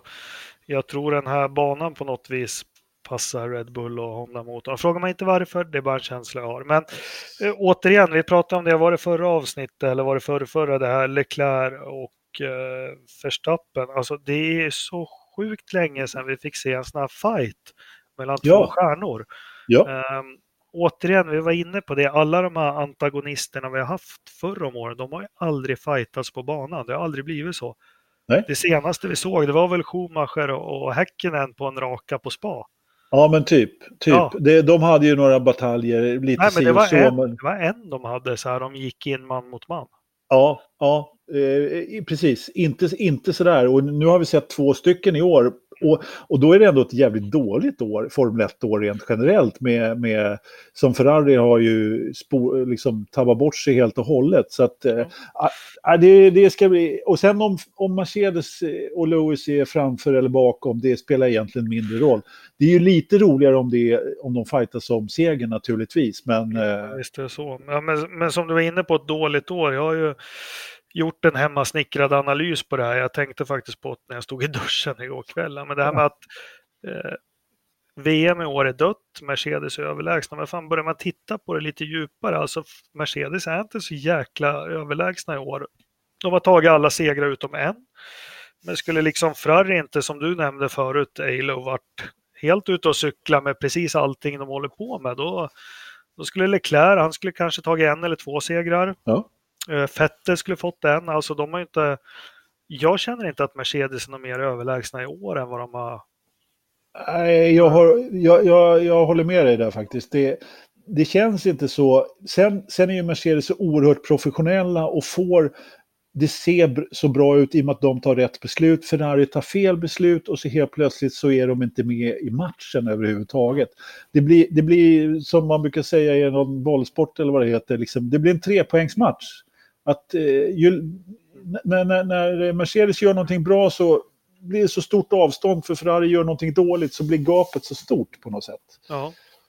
Eh, Så, men så jäkla överlägsna är de inte. Och nu, Nej. Eh, apropå Österrike, det verkar ju vara jäkligt varmt där nere i, i lite söderut i Europa. Och det, det. spelar ju inte Mercedes. Men de Just säger det, själva att de har en lösning på det. De har en lösning. Jaha, har de det? Eh, ja, det hade de väl redan till Österrike, de visste om det. Och, är det några jag litar på när de säger att de har en lösning så är det faktiskt Mercedes. Men vi Ska får de se. ha, hänga på en fläkt på bilen? Ja, de hänger eller? på de- Gordon Murray. De tar fram hans gamla fläkt från 70-talet där. Ja, Ja, det det, blir bra det. det blir spännande. Nej, men det ska bli ett spännande lopp. Hockenheim brukar faktiskt vara hyfsat bra race. Jag, som vi sa förut, jag saknar den gamla banan, men jag tycker Ja. på något vis om den nya också. Den, ja. Ja, men den här konverteringen. Alltså jag, hur mycket man än saknar den här gamla banan, de dundrar rätt in i skogen och kommer ut någon minut senare. Och det är två chikaner emellan. Och den var dessutom hoppig dan och kolla på något gammalt lopp där när de dyker in i första chikanen där i, jag kommer inte ens ihåg vad den hette för någonting. Genom Var det de ostkurv? Nej, det var andra. Ja, vad andra, ja precis, som var ostkurvor. Ja, strunt samma. Ja, det ser ju helt fantastiskt ut och, och det går ju inte att köra två in i den där utan det, man var tvungen att vara ensam så man var tvungen att sortera ut det innan. Men samtidigt så är det ju så, konverteringen, om man nu ska modernisera någonting så den där konverteringen som Tilke gjorde, den funkar riktigt bra där. Som jag sa tidigare, köra flera spår ner i, ja vad fan det nu heter hårnålen, heter den Spitzkurv eller vad fan heter den? Jag är så dålig på ihåg Scheisse, Ja, det finns ju något Mercedes mobil, vad hette stadionkomplexet? Så var det mo, mobil Ja. och, ja, ja, ja, jag vet. Ja, det är allt möjligt där. Ja, men Mercedes har ju en hel stor läktare där i alla fall som de brukar fylla, eller flera till och med tror jag. Ja, och st- just stadionkomplexet brukar man ju säga, de här, ja, vad de nu heter, alla kurvorna där. Jag, jag, jag, jag, Fast- är, jag fast- är helt fel person när det gäller att nämna kurvor i banor, det är min Ja, sämsta du gillar när det är siffror på, du tycker Ja, fränt. kan inte siffror heller överhuvudtaget. Jag, jag, jag, jag kan Ejes kurv, kurva på Karlskoga, det är allt. Men det var ju häftigt förr i tiden när de, ja, men de gick in 90 grader höger, sen bara Ja. full fräs. Sen när de in i skogen, sen kom de ut där så skulle de in i stadion. De hade ju ingen downforce alls på Nej. bilarna. De Nej, bara jassade omkring där i, ja. Och det där kan man ju se lite grann nu också, fast ändå inte, inte i närheten av hur det var då. Just för att de, de behöver ändå, i och med att banan är så hög fart och även då på det här, och det är ju det som gör banan lite grann, precis det du beskriver, att eh, de, har absolut noll downforce och ska köra i det här knixiga partiet. Liksom.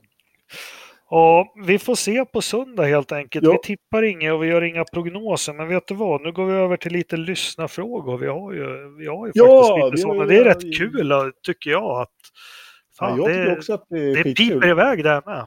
Ja, men Eh, det gör ju det. Får vi se om vi får några andra svar den här gången, eller andra frågor jämfört med förra inspelningen. Så. Dankan, Daniel, Dankan, Kantelinen, Kantelinen, ursäkta uttalet. Vart hamnar Kimi nästa år om han fortsätter? Luddigt formulerat, men ni fattar. Vettels vara eller icke vara? Icke, säger jag. 50-50 önskan spåkula för honom. Vi börjar med Kimi har ju tvåårskontrakt med Alfa Romeo. Ja, han, han, han försvinner ingenstans. Han Nej, kommer att sitta nej, där nästa år ja, också. Ja, eller så lägger han av. Eh, Nej, så det han- tror inte jag. Nej, men han har tvåårskontrakt, det vet vi. Vettels icke vara eller vara och Mm.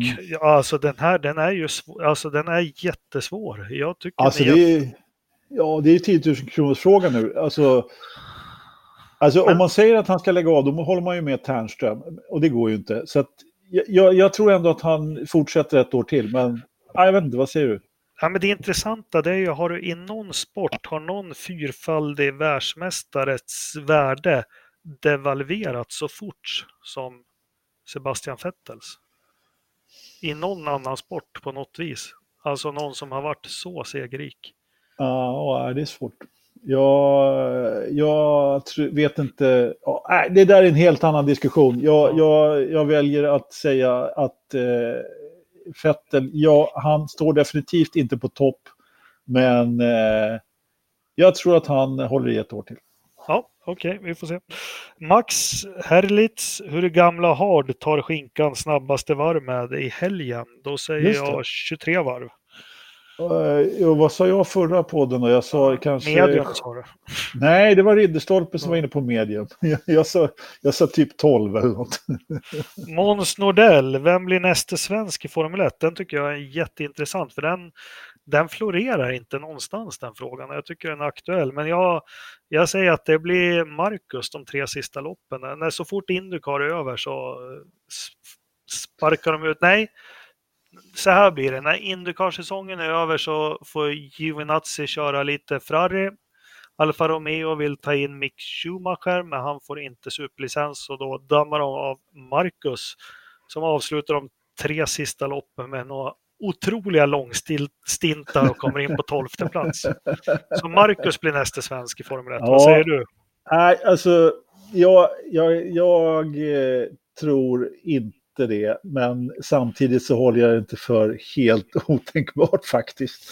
Och, om man skulle sätta odds på nästa svensk i, i, i Formel 1 så tror jag faktiskt att Marcus har lägst odds, helt klart. Ja. Men... Han är pratar... ju i Formel 1, han är ju tredje förare. Precis, han är ju, han är ju redan där. Så i, i tanke med det så blir någon av dem skadade så ringer de ju honom naturligtvis. finns ju, eller ja, det har ju varit andra förare som varit skadade och, och, och tredje föraren inte har fått köra. Men här har man ju trots allt en förare som till och med har kört årets bil och testat. Så att, eh, det, det, det, skulle nog vara ganska troligt att det är Marcus som får köra definitivt. Nej, men jag hoppas på Linus Lundqvist. Ja. Jag tror inte på Linus Lundqvist. Jag tror inte att han kommer till... Ja, men jag tror på honom som racerförare, men jag tror inte att han tar sig hela vägen tyvärr. Jag tror vår nästa äh, vet, svensk i Formel 1 blir Joel äh, B. Ja, vår eh, karting, ja. vår karting junior. Men när ska vi få reda på vilket Formel 1-stall det är som backar honom? Ja, men det är ju, det är ju Ferrari naturligtvis. Han, eh, han var ju på Formula Medicin och pratade med Arvia Bene. Klart som fasken det är Ferrari. Ja, är det det? Jag har ingen aning. Ferrari vill sälja mer bilar i Sverige. Så, Eller hur? Ja. De vill sälja fem istället för fyra. Mikael Wester, har Jakob fått fart på Viaplay? Nej, jag har inte fått fart på Viaplay. Och följdfrågan är, är han spärrad på grund av skitprat om F1-podden med mera? Uh, det gjorde mig bekymrad. Jag hoppas inte det uppfattas som att jag pratar skit om F1-podden eller skitprat. Jag hoppas att den kritiken jag riktar mot F1-podden att, att någon kan finna någon slags substans i det. För det är, jag är inte ute efter att sänka dem utan jag är konsument som betalar mycket pengar för deras tjänst och ställer krav. Men det kan säkert vara så att Erik eller eh, Janne eller någon är sur och ser ut att blocka blocka mig. De är, de är förmodligen skitsura på det. Ja. Jag tror att det är så här att... Om de ens, jag tror inte ens de vet att den här podden finns. Eller det vet de, det vet ju vi att de vet. Vi, vet att de vet, vi vet vad de vet. Men eh, vi, vet, sätt... vi vet att de vet att vi vet att ja. de har lyssnat på det här. Fast Nej, vi kommer no... aldrig avslöja hur vi vet. Nej, absolut inte. Nej, men på något sätt så, är, så känns det lite så här kan jag tycka att samtidigt som vi betraktar utifrån, från vårt helt egna perspektiv på något sätt, så, så föreställer oss, vi oss vad vi skulle ha gjort om vi hade den informationen som de hade. Och det är klart att då, då kan man väl på något sätt tycka att eh, man skulle ha gjort annorlunda eller på, på ett annorlunda sätt. Och, och, det kan ju uppfattas som kritik naturligtvis och ibland inte helt eh, straightforward på ren svenska journalistik. Men samtidigt så är det ju så att vi utifrån vår lilla värld fan, vi har ju startat den här podden för att vi tycker att vi har någonting att säga, eller du startade den eh, med benäget eh, hjälp av mig, för att vi tyckte att det behövdes en röst till. Och jag menar, vi gör ju på inget sätt anspråk att vara någon eh, journalistisk podd på det, utan vi snackar ju liksom dynga på det, vi, eh, på det lilla vi snapp, snappar upp. Och det är klart att, ja, F1-podden är ju naturligtvis ett av de största medierna som finns om Formel 1 i Sverige, så det är klart att vi har åsikter om det.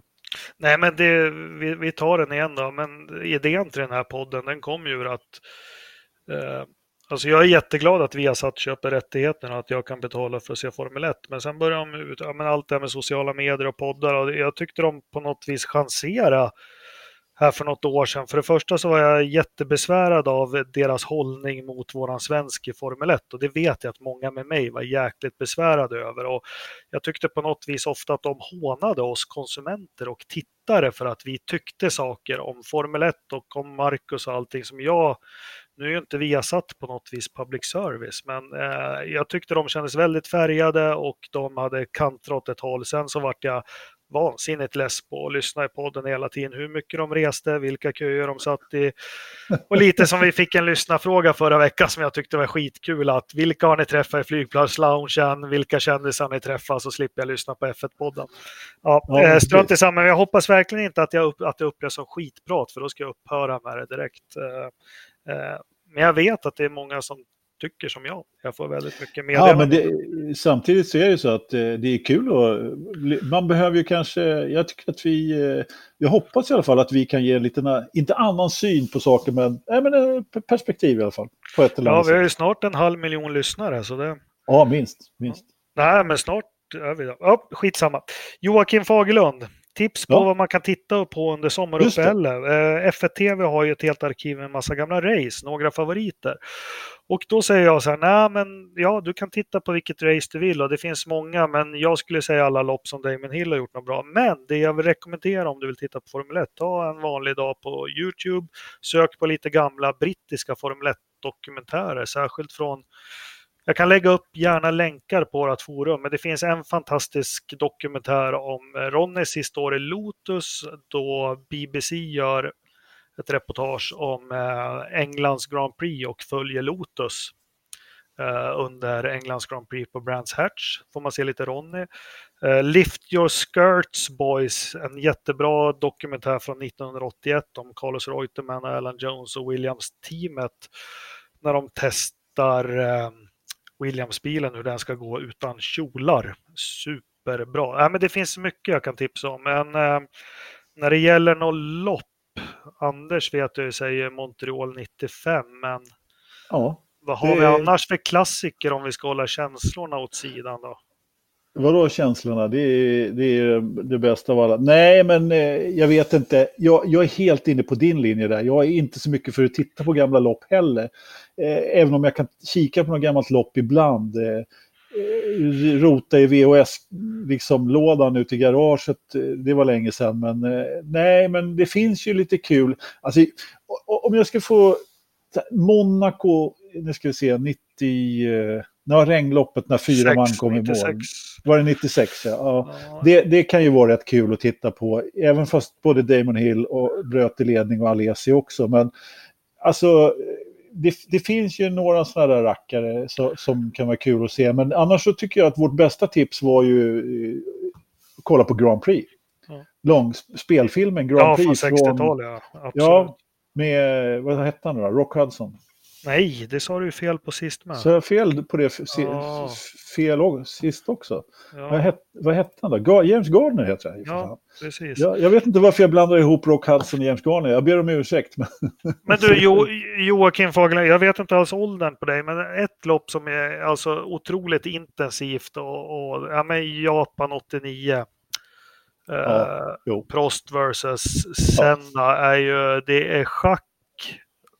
Och det, ja, men det, det innehåller faktiskt allting tycker jag, det loppet.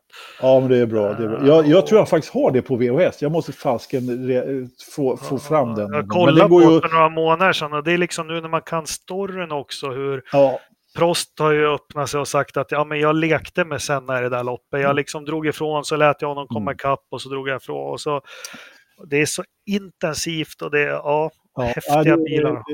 Hur långt tillbaka, har du kollat in hur långt arkivet sträcker sig på... Men 91 är väl det jag ser mest tycker jag att det slutar där någonstans. 91. Ja, Ja, då är det lite svårt att se Japans GP89. fast det finns på YouTube. Men alltså Ja, okej. Ja, då så. Ja. Då så. eh, Viasat har ju också Ja, men de F1-klassiker. har- Ja, de brukar ju köra lite Ses- F1-klassiker, men ny, ny, nya kommentatorspår på faktiskt.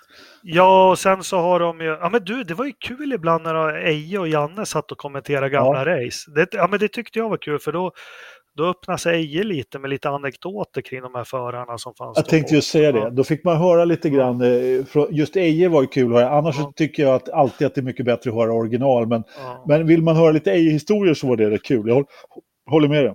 Sen finns det, det finns ju de här årskrönikorna som gjordes i slutet på 80, början på 90. Jag kommer inte ihåg Clive James, Clive James, eller vad hette han, engelsmannen? Han är Ja.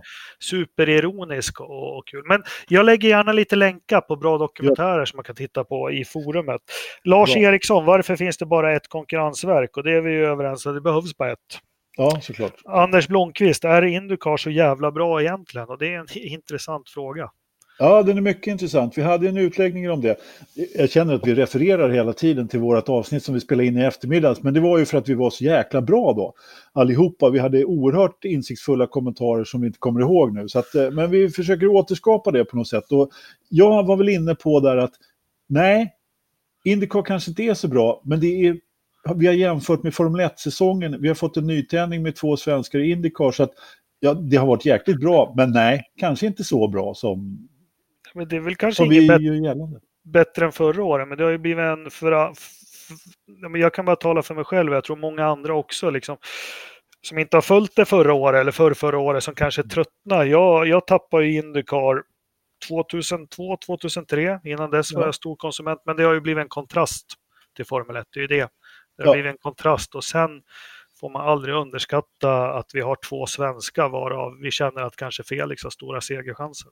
Ja, precis. Det är precis. vinnaren Och det- som räknas.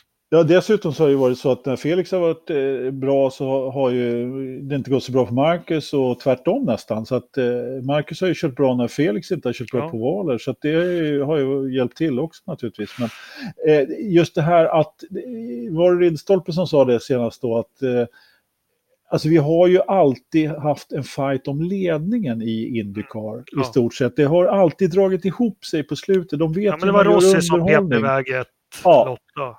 Han pep ju iväg i loppet som inte blev några gulflaggor. Medan i Formel 1 så får man sitta och hoppas på att det blir en fight mellan eh, Sainz och Ricardo på slutet. Liksom. Ja, nej, men, nej, men vi säger så här då, Indycar, nej det kanske inte är så jävla bra, men det är en nyttig kontrast. Ja, bra. Ja. Bra sammanfattat. Eh, Anders Blomqvist, nyrakad, snyggt. Till dig Alo. Det var sex timmar sedan, han har helskägg nu igen. Jajamän, jajamän. Eh, Olof Laneryd, hur mår Bernie och vad gör han nu? Ja, men det är också en bra fråga. Jag vet inte om han har startat någon konkurrensserie men eh, eh, jag såg någon bild på honom här, så han verkar må bra. Och, Han har ju så här bockskägg eller get. ja, Ja. Getskägg, ja precis. Exakt. Så att, eh, men eh, han håller väl på och planerar för en eh, comeback misstänker jag. Annars så är jag besviken på. Ja. Eh, mer frågor. Eh, också Olof igen. Jag tycker han är bra.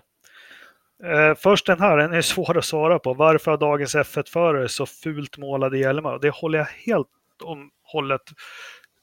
Turen är att du ser ju inte hjälmen för Halo nu. Men vilken är den snyggaste layouten någonsin? Snyggast layouten på hjälm. Ja, Alltså jag är högaktningsfullt, skiter högaktningsfullt i hur de har sina hjälmar målade. Ingenting intresserar mig mindre och angående Formel 1 än hur hjälmarna ser ut. Så att jag är ledsen, det är helt fel person att fråga. Och dessutom så är det så att jag har bara en favorit när det gäller när det hjälmar överhuvudtaget. Det är Mr. Graham Hills hjälm. ja. Men jag är jätteintresserad av hjälmar. Jag har också funderat på det där jättemycket. Ja, men jag tycker att det är, alltså hjälmarna är en del av identiteten hos racerförarna. Och jag spyr på ungdomarna. De har ju fan MotoGP-hjälmar, så här graffiti jobbat ungdomligt. Jättejobbigt att titta på. Jag tycker René Arnault hade en suverän hjälm. Den var kritvit. När han körde för Ferrari så var det ett Marlboro-klistermärke där fram. Och sen när han körde för Ligier så var det ett Gitanes eller Gitanes eller vad det hette. Och Sitter- Eh, ja, Gitan, Goloa. Eh, Goloa, det var senare. Ja, ja, Eh, det är andra, andra, andra rökdom. Ja, eh, René Arnault tycker jag. Och, och lite Fettel har vi tagit efter den hjälmen när han kom till Ferrari. Eh, Graham Hill och Damon Hill får man ju faktiskt. Alltså, tyvärr, Damon Hill hade ju för mycket klistermärken på sin hjälm. Ja, det blev ju det. Andersson Consulting där fram. Ja. Liksom. Det blir ju så naturligtvis. Det var därför jag sa Graham faktiskt och inte Ja, Damon. han var den första som hade en hjälm. Sen gick ju faktiskt jag som är lite Rainman. Sen var det Stewart som började med sin, vad Ja. heter det, tartan? Nej. Ja, pre- precis. Hans. Skotska. skottsrutiga där, precis. Ja, men visste du att jag har en egen tartan? Jag äger ju mark i Skottland. Ja, det är bra. Det är klart man ska ha det. Eget rutmönster. Ja, men jag har det. Jag har en sån sjal. För jag äger Ja. mark i Skottland. Så jag får kalla Ja, mig. Lord. Jag tror Lord, det. Lord Engelmark. Jag lägger upp en bild på det med. Eh, jag måste ha en till snygg hjälm. Ja, men Eh, du, jag har, faktiskt, jag har faktiskt en till som jag tycker är, och det är också naturligtvis gamla stilrena saker och det är ju Mario Andretti. Nej, den, ja, silvriga där. Men, ja, Mm. ja, ja. Den är, tycker jag är helt okej faktiskt. Nicke Laudas hjälm var ju, ja, det är häftiga hjälmar. Ja, jag- som sagt, jag är helt, vi får ta frågan i någon annan podd så att eh, Ridderstolpe och eh, Ternström får snacka lite genfärg för jag är, jag är Tom, fe, fel Price hade, panel. häf- Tom Price hade häftig hjälm. Tyvärr så skyddade den ju inte honom när han körde på den här åskådan och fick en brandsläckare ur. Men Tom Price hjälm, var- ja men den var också vit med några jävla svarta streck fram. Ja, okej. Såg ut som ett galler. Eh, Villeneuves hjälm var ju vedervärdig. Fruk- Fruktansvärd. Ja, Alltså, jag är ju partisk men Alesis var ju hyfsat snygg när den var... fast han, du vet väl vems hjälm han hade? Eh, nej, faktiskt inte. Det är ju en replika på hans idol när han var liten, Elio De Angelis. Ja, men det är ju- visst den är lik den, men nej, det visste jag faktiskt inte. Det är att, eh, precis eh, jaha. kopia. Är det. åh fan. Eh, Som Förutom sagt, att han hade, Alias hade något blått på huvudet. ja, precis. eh, här, Jag, men annars, Som sagt, jag är inte dugg intresserad av hjälmar överhuvudtaget, så att, nej, det, det visste jag faktiskt inte. Mansells hjälm var ju, uh, Prost hjälm var till intetsägande. Uh, Ja. Nej. Ja, ja, äh, du vill inte prata hjälmar hör jag, men jag maler på. Ja. Förlåt då för fan. Eh, Ronny Petterssons hjälm var ju faktiskt snygg. Ja, blå. Ja. Eller Reine Wisell, han hade en grön. Ja, tycker jag är coolt. han var ju alltid lite speciell han också. Ja, ja, ja. Eller är kanske. Ja, nej, men vi fortsätter. Olof Laneryd igen. Vilka produkter har ni köpt bara för att ni sett reklamen på Formel 1? Fan vilken bra fråga. Jag har ju en Honda gräsklippare för att de vann Österrikes. Jag har en Renault står här i garaget, en bil. Bara för att de har vunnit en massa VM. Vad- Jag, jag har inga, har köpt ny bil nu igen? nej, men Renault, den har ju stått här länge. Det är min Renault Clio från 1999 som har gått 4000 mil. Okej. Mm. Hur många Det bilar står har så- du? Det står så här Elf F1 på ett klistermärke där bak. Ooh. Eh, Mm. Ja, men det är fränt. Eh, jag har tyvärr inga Goodyear-däck eller något. Va- Men vad kan man ha köpt som man har sett på Formel 1? Det måste Jag vet man... precis. Jo, men fan, jag har ju rökt alla de där ciggen när jag var ung. Det är klart. Jag är också gammal storrökare så jag har naturligtvis prövat de, de flesta sorterna. Men det finns bara en, det, det, jag, jag kommer bara tänka på en sak och det är Warsteiner. Ja, men ja, du! Eh, vad hette Labatt? Labatt.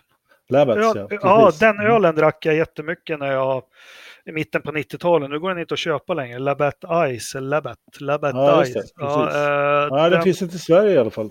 Nej, för den drack Damon Hill, så den har jag ju gått på. Vad är det mer för... Ja, men Ja. cigaretter, jag kommer ihåg när man åkte till England som ung. För i Sverige fanns det ju bara Prins, Marlboro och gul Och köpa såna här lådor med John Player Special. Ja, i plast. Och så, så fick jag ju för mig den här Jaguaren som vann Le Mans. Jag var tvungen att röka Silkat. silk. Ja, silkat. Jättesvaga var de. Martin Brundle köpte ju den, körde ju den. eh, Ja, precis. Den lite problem. Ni snackade ju mycket Grupp C förra, för, förra avsnittet där när han var med. Eh, eh, Farka så, eh, det var, det, jag, där, det, jag tyckte också det var lite kul där. Jag, jag följde det också väldigt mycket just då, när, nu kommer vi in på Grupp C, men eh, just Mercedes var klart överlägsna, men eh, eller rättare sagt, Jaguar hade bäst fart, men Mercedes vann ändå därför att jaggarna drog för mycket soppa. Ja. Uh, jag ska väl tillägga och säga att jag har inte dragit ett enda cigarett. Jag har aldrig varit rökare permanent utan feströkt, men jag har inte rökt ett bloss på 12 eller 13 år. Ska Ja, det är bra jobbat. Och jag uppmanar Jag- alla unga lyssnare till att rök inte. Ja, nu har vi gjort mycket reklam för cigaretter här, men nej, det ska man inte göra. Snusa. Snus. Nej, men eh, jag kommer faktiskt inte på någonting annat som jag har köpt eh, där jag har sett reklam på. Jag har definitivt... Aktier i Liberty sa du ju. Ja, jo, det är sant, men de har ja, ja, det hade väl jag gjort ändå, även om de inte gjort reklam i och för sig. Men jag har ju inte köpt någon bil. Jag, jag kommer bara ihåg en historia om, om Jari när han hade beställt en ny taxi när han körde taxi, hade ett taxiåkeri och eh, Micke Häkkinens Mercedes-motor brann upp eh, någonstans så han eh, avbeställde den och köpte en Volvo istället. Det, Är det, det sant? ja, åtminstone enligt honom. Det går inte att inte tycka om Jari. Jag vet inte om jag lyssnar, men om man gör det så, så får du gärna verifiera storyn. Men du har berättat det, alltså jag har hört det från hästens mun. Så, att, så är det. Ja, Mm. ja nej, men det där ska jag tänka på ikväll. Det var faktiskt en bra fråga. Ja. Va, Olof, jag gillar det. Jag gillar dina frågor. Du, är- du är smart. Du är klok. Ja, för han är skåning i och för sig. Men, men annars så får det väl gå. Nej. Va, vart då? Från Ystad. Fast jag vet inte var han bor nu, det kommer jag inte ihåg. Känner han den här kriminalaren? Vad heter han? Ja, antagligen. Wallander? Ja, antagligen. Kurt. Olag, han har, han, han eh, har varit på ett Formel 1-lopp. Eller ja, han kanske har varit på fler som inte jag känner till. Men vi lärde känna varandra i alla fall när jag och Christian, eh, herr Kalmerin, mannen med eh, eh, Kubica Just det. Wonderbaumen. när han och jag var, skulle åka till eh, Monza ett år. Ja, kan det ha varit 2009 kanske? Då Eh, så eh, Olag och eh, Kalmerin snackade ihop sig lite grann där i alla fall. Så Olag hängde, hängde på oss till, eh, till Monza där i alla fall. Det Kul. året. Mm. Det var Men då... du, Kalmerin, hur, hur sjuk är han egentligen? Vem Ganska. köper, vem köper en luktgran med... Fast jag gillar det, det är skruvat på något vis. Men Ja, det är väl klart. Det var det enda han fick med i packningen. Han åker i sån här eh, vet du, Minneapolis-moppe, vet du. Så att, eh, han hade ju ingen plats i sån här nej, sidoväskan. han måste bjudas in till en podd fort. Eh, Dankan, vad fan, igen, dubbelavsnitt eller har ni snittat halva gänget och börjat om? Ja, det är precis det vi har gjort. Håkan Larsen, spelar ni in i ett garage? Lite stor halo på Renault, fel färg också, ska vara gul. Ja, jag sitter i garaget för familjen är hemma och sover. I vanliga fall, eller i vanliga fall, vi sitter ofta i en studio i Stockholm, men eh, så här vid semestertider så spelar vi in. Eh, Ofta sitter i vi lite- studio.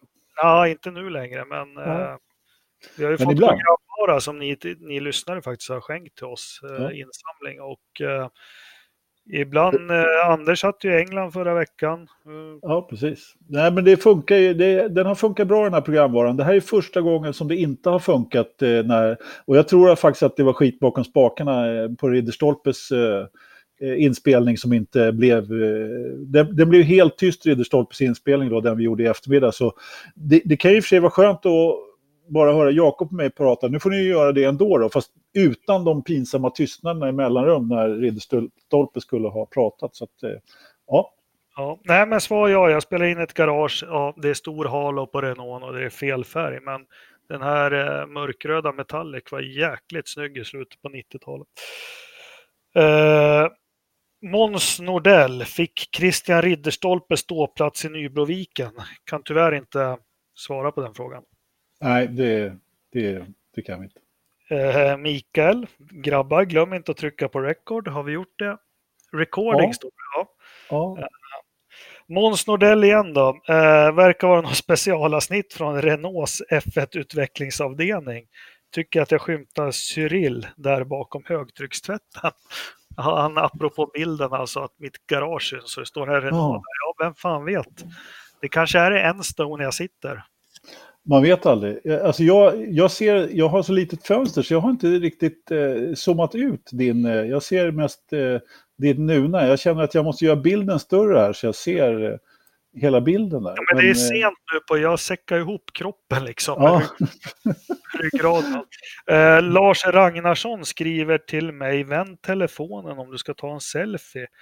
Ja, men, Lars, jag har inte tagit en selfie, jag har tagit en kort på datorn för att visa att vi är igång med inspelningen. ja, en, eh, ja, duofilm. Mm. Fan, det, selfies är det bara fjortisar som tar. Ja, sånt, sånt tjafs håller inte vi på med. Nej, det... Fast vi gjorde det när vi var unga. Kommer du ihåg den här spaken som fanns på kameran? Bredvid objektivet som du vred ner och så ställde du kameran på någonting och så fick du springa. Så hade du tio Ja. ja. självutlösare hette det. Ja, jag har aldrig varit någon vidare fotograf, men jo, jag vet. Eh, bra. Ja, men det var väl eh, det var frågorna här nu. Ja, Eh, det börjar pipa iväg. Ja, det gör ju det. Tyvärr så hade vi ingenting från ja, men Joel där, Ridderstolpe. Han får rapportera, men som sagt Mm. det är gokart-SM i, vad sa vi att det var? Kristianstad? Kristianstad. Kristianstad är jag här nu Mm. från torsdag till söndag. Eh, försöka hitta om det går några sändningar, att man kan se det via nätet. Det är jäkligt Ja, men svårt att följa gokart på tv. Det är riktigt Ja, men det är ju det. ja, eh, är det. är att hålla reda på allting. Men eh, det ska bli kul att se hur eh, de nationella förarna står sig mot. Ja, men det kan ju komma, det är ju morgondagens stjärnor där, så det kan ju lite skoj. Lite långt att pipa ner till Kristianstad. annars Ja, det är ju det. tittat faktiskt. Eh, skulle man gjort. Övrig racing, eh, DTM får du inte prata om, för det är ingen Nej. som bryr sig men det var väl några race efter det. Ja, men precis. Äh, men de kör ju på Assen, väldigt trevlig bana i Holland och eh, det regnade eh, väldigt mycket där på lördagen. Eh, och, och eh, de körde ju då W-series, det vill säga den här eh, eh, serien med bara kvinnor. Och eh, Emma Kimmelainen gjorde ju bra ifrån sig fick, och tog pole och eh, satt väl visserligen och sov lite grann på startplattan där eh, i starten men kom iväg som tvåan då och eh, efter några varv så var hon eh, i kapp ettan igen och eh, när hon väl kom om där så var det ingen snack om vem som var snabbast på, på banan. Hon var ju skadad efter, hon blev ju T-bonad på uh, Hockenheim. Ganska det. läskig krasch. Så att, eh, hon har varit borta i två lopp och man kör ju bara sex lopp i den här serien så att eh, hon har ju missat i stort sett hela säsongen. Om hon är, eller ja, hela, men Eh, två. vad två. hette hon som T-bonade Emma nu? Oh, det kommer jag inte ihåg just nu faktiskt. Jag kommer inte ihåg vem utav Eh, hon, den påbromsningen och den Marcus gjorde i Indy 500 är ju nominerade som årets, årets Verstappen. nej, Mm. årets påbromsningar. Ja, ja, ja den, äh, det, var, det var liksom... eh, Hon kom ju liksom... Ja, det, det, hur långt bakifrån som helst. Och det fanns ju inte en chans att hon skulle ha tagit kurvan överhuvudtaget. Det såg ju helt, det såg helt absurt ut verkligen. Men hon var ju borta i två lopp i alla fall och fick... eh, Så hon fick ett riktigt bra resultat i alla fall och visade lite grann vad... Sen hur mycket det berodde på att eh, hon ville, Jamie Chadwick, där ville säkra mästerskapet. Nu gjorde hon ju inte det för att... Eh, damen som efteråt, tjejen eh, Chadwick, eller vad heter hon, eh, Beate Wisse där som ligger och skuggar, hon lyckades ta så pass många poäng så att det mästerskapet lever till, eh, eh, till, till Brands Hatch som är sista deltävlingen. Men vet du, under tiden här som, vi, som eh, mellan våra två avsnitt så, så lyckades jag faktiskt se att de kör faktiskt ett race på söndagen också i eh, W-serie som inte sänds, eller ja, det kanske sänds någonstans, vad vet jag. Men, och det är ett non-championship race och då kör Ja, de med omvänd, det, Ja, ja, Ja, då kör de med omvänd sta- startare. Emma, hon eh, körde ju upp sig till fjärde plats där. Och det var tydligen 0,003 sekunder, eh, en 3000 delars eh, marginal som tjejen som vann med gjorde. Ja, det där läste jag också. Det är ju någonting som har kommit apropå nya reglemente som ett förslag att göra som med Formula W att ha ett non-championship race under någon helg. Ja. Jag ja, vet inte vad jag tycker om det. Men, men som jag har förstått den här klassen ska få påbackning här nu och köra på några år till, eller? Nej, jag har inte full koll riktigt på, men, men eh, som jag, alltså, och sen om det har varit eh, en succé eller inte, det är, det är rätt bra uppställning med allting runt omkring och kommentatorer och känt folk som är och pratar i depån och hela, hela kittet. Så att jag hoppas att de ger det ett par år till. Och, Ja, så att det kommer... Ja, så. Jag var också lite skeptisk till den här serien i början, men om det dyker upp några bra talanger, tjej, tjejtalanger som, som kan slussas ut i någon eh, bra serie så har den ju fyllt sin funktion definitivt. Det Men kanske det kan vara en framskola. Vi skulle vara kul om den som vinner mästerskapet alltså får en plats i någon, någon serie högre upp, eller blir det för mycket kvotering? Eller? Nej, jag tycker det vore helt eh, rätt. Helt rätt. Ja. Jag tycker att en, eh, en F3-styrning på, på vore, vore, ju helt rätt. Det är ju, det är ju ganska lika bilar dessutom. Ja. Ja, men vad bra, Genuspodden går vidare. Veckans Verstappen, Anders. Ska du eller jag börja? Eh, jag måste tänka efter vem jag hade. Nej, men jag kan börja. Jag hade ju Will Power. Eh, av den enkla anledningen att han gjorde ju en, en klassisk eh, Marcus, eh. Fast egentligen så är det en power-grej. Men anledningen, jag hade som backup hade jag Marcus om någon, eh, om inte, eh, ni, om, om eh, någon av er skulle ta Will Power. Men det var verkligen en katastrofgrej igen utav Will Power. Han, man kan näst, vi, kan nästan, vi ska ju inte byta namn på den här punkten eftersom den är varumärket så inarbetat, men det var ju nästan så att det är veckans Power. Han gjorde ju igen en riktig klantgrej. Det gjorde Marcus också, men Will Power han var ju trots allt uppe i ledning och låg tvåa, så det får bli Power helt enkelt. Ja, ja. Uh, ja men jag hade ju en nu och jag är sorgsen och ledsen och, meddela alla lyssnare och alla som hejar på mig så frenetiskt de här senaste veckorna eh, och, och, och, följer mina race och kommenterar dem glatt. Mopeden är stulen. Så veckans förstappen är alltså tjuven? Ja, eller tjuvarna. Mopeden, det blir, det blir inga mer live-race på Svartårakan ner mot domkyrkan.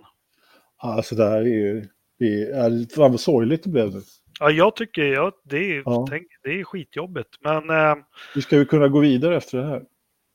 Ja, jag har ju inte, alltså jag slickar ju fortfarande mina ekonomiska sår efter den här pikétröje-grejen. så köpa en ny moppe blir inte tal om. Det, nej.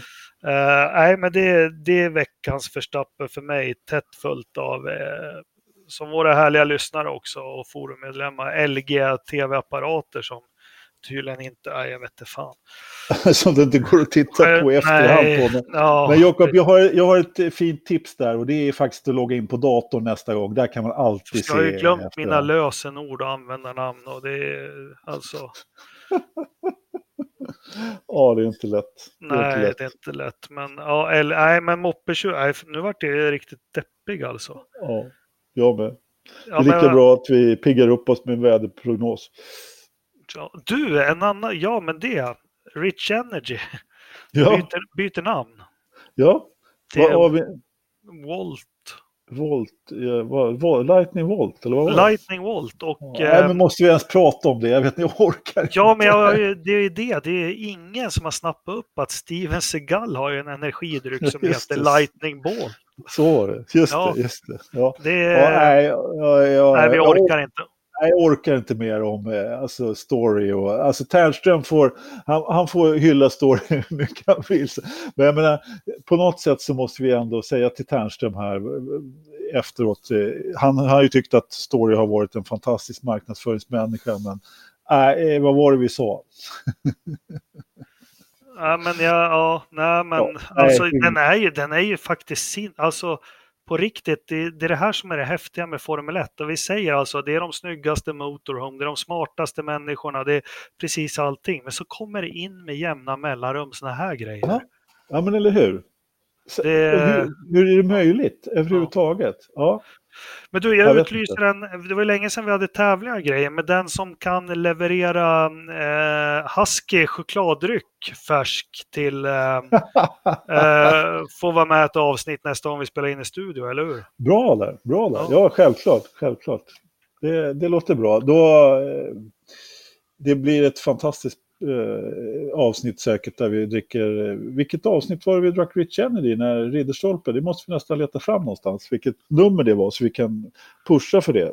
Det är så man blir medlem i poddpanelen nämligen, man måste muta sig in med någon form av dryck.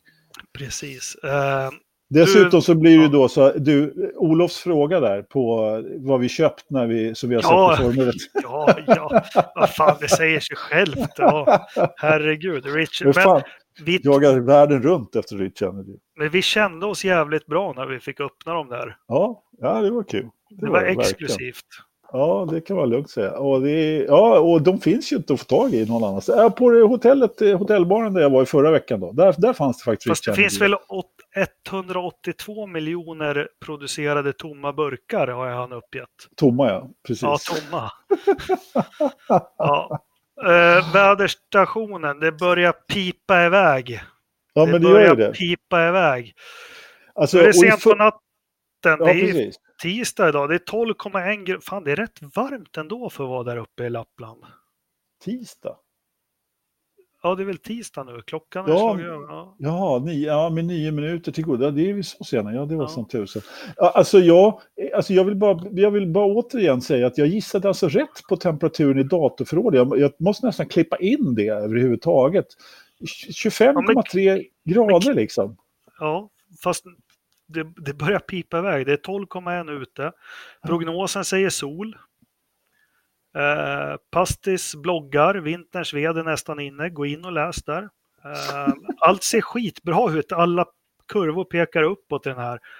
Tempen i är- datorförrådet, det är 12,1 ute. Vad, är den, vad ligger den på nu? Ja, men jag kan inte gissa någonting annat än 25,3. Det, det är ju min Men den, har, gissning här. den har Liksom. gått upp.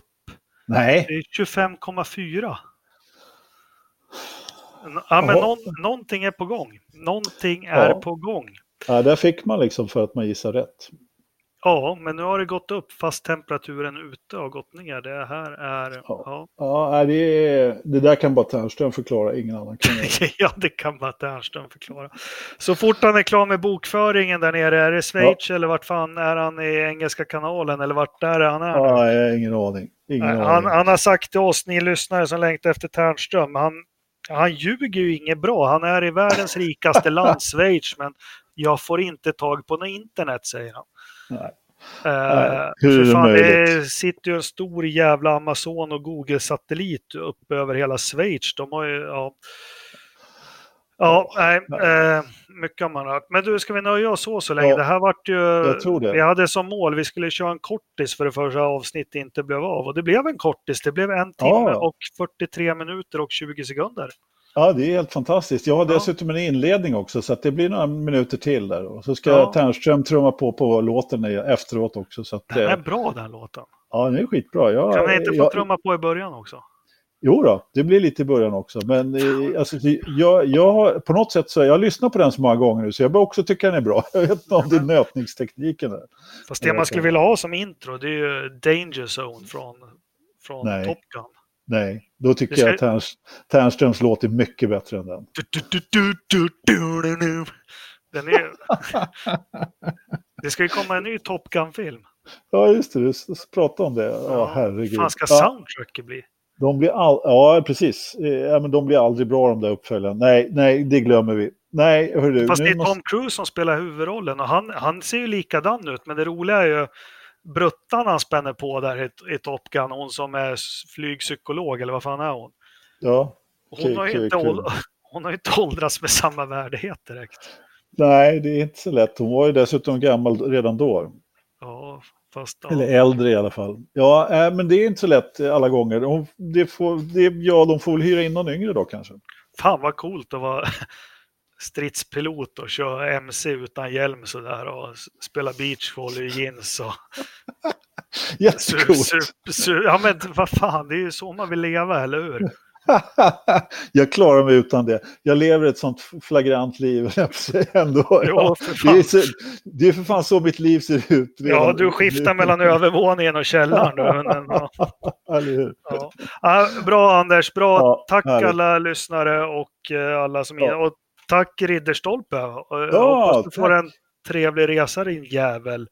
Precis. Eh, Eh, vi får väl se, vi får väl hålla öppet nästa vecka. Det känns faktiskt lite osäkert, men vi, jag tycker att vi måste få ut en podd med tanke på att det är eh, ja, det är ju både... Ohio och Tyskland. Ja, men precis. Nej, men eh, det är du som är på semester. Jag kan podda. Eh, Ridderstolpe, han kan säkert snoka upp någon eh, koppling, eller vad heter det, internetkoppling. Annars får vi väl försöka att ha, ha, hålla in eh, Ternström. Så att eh, det ska nog ordna sig. Så inte att, eh, det går, ja, vad fan, ni på forumet, var ut med brösten och säg jag vill vara med någon gång. Ja, precis. Jag har det något att också. tillföra, det skulle Ja. Mm. vara jättekul. Och, eh, det var kul när Farkas var med. Ridderstolpe kom ju in som gäst och nu är han ju panelhöna. Ja. Så det, Ordinarie typ.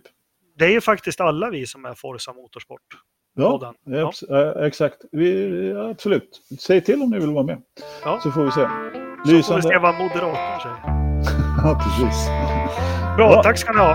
Tack för att ni lyssnar. Vi hörs. Ja, hej.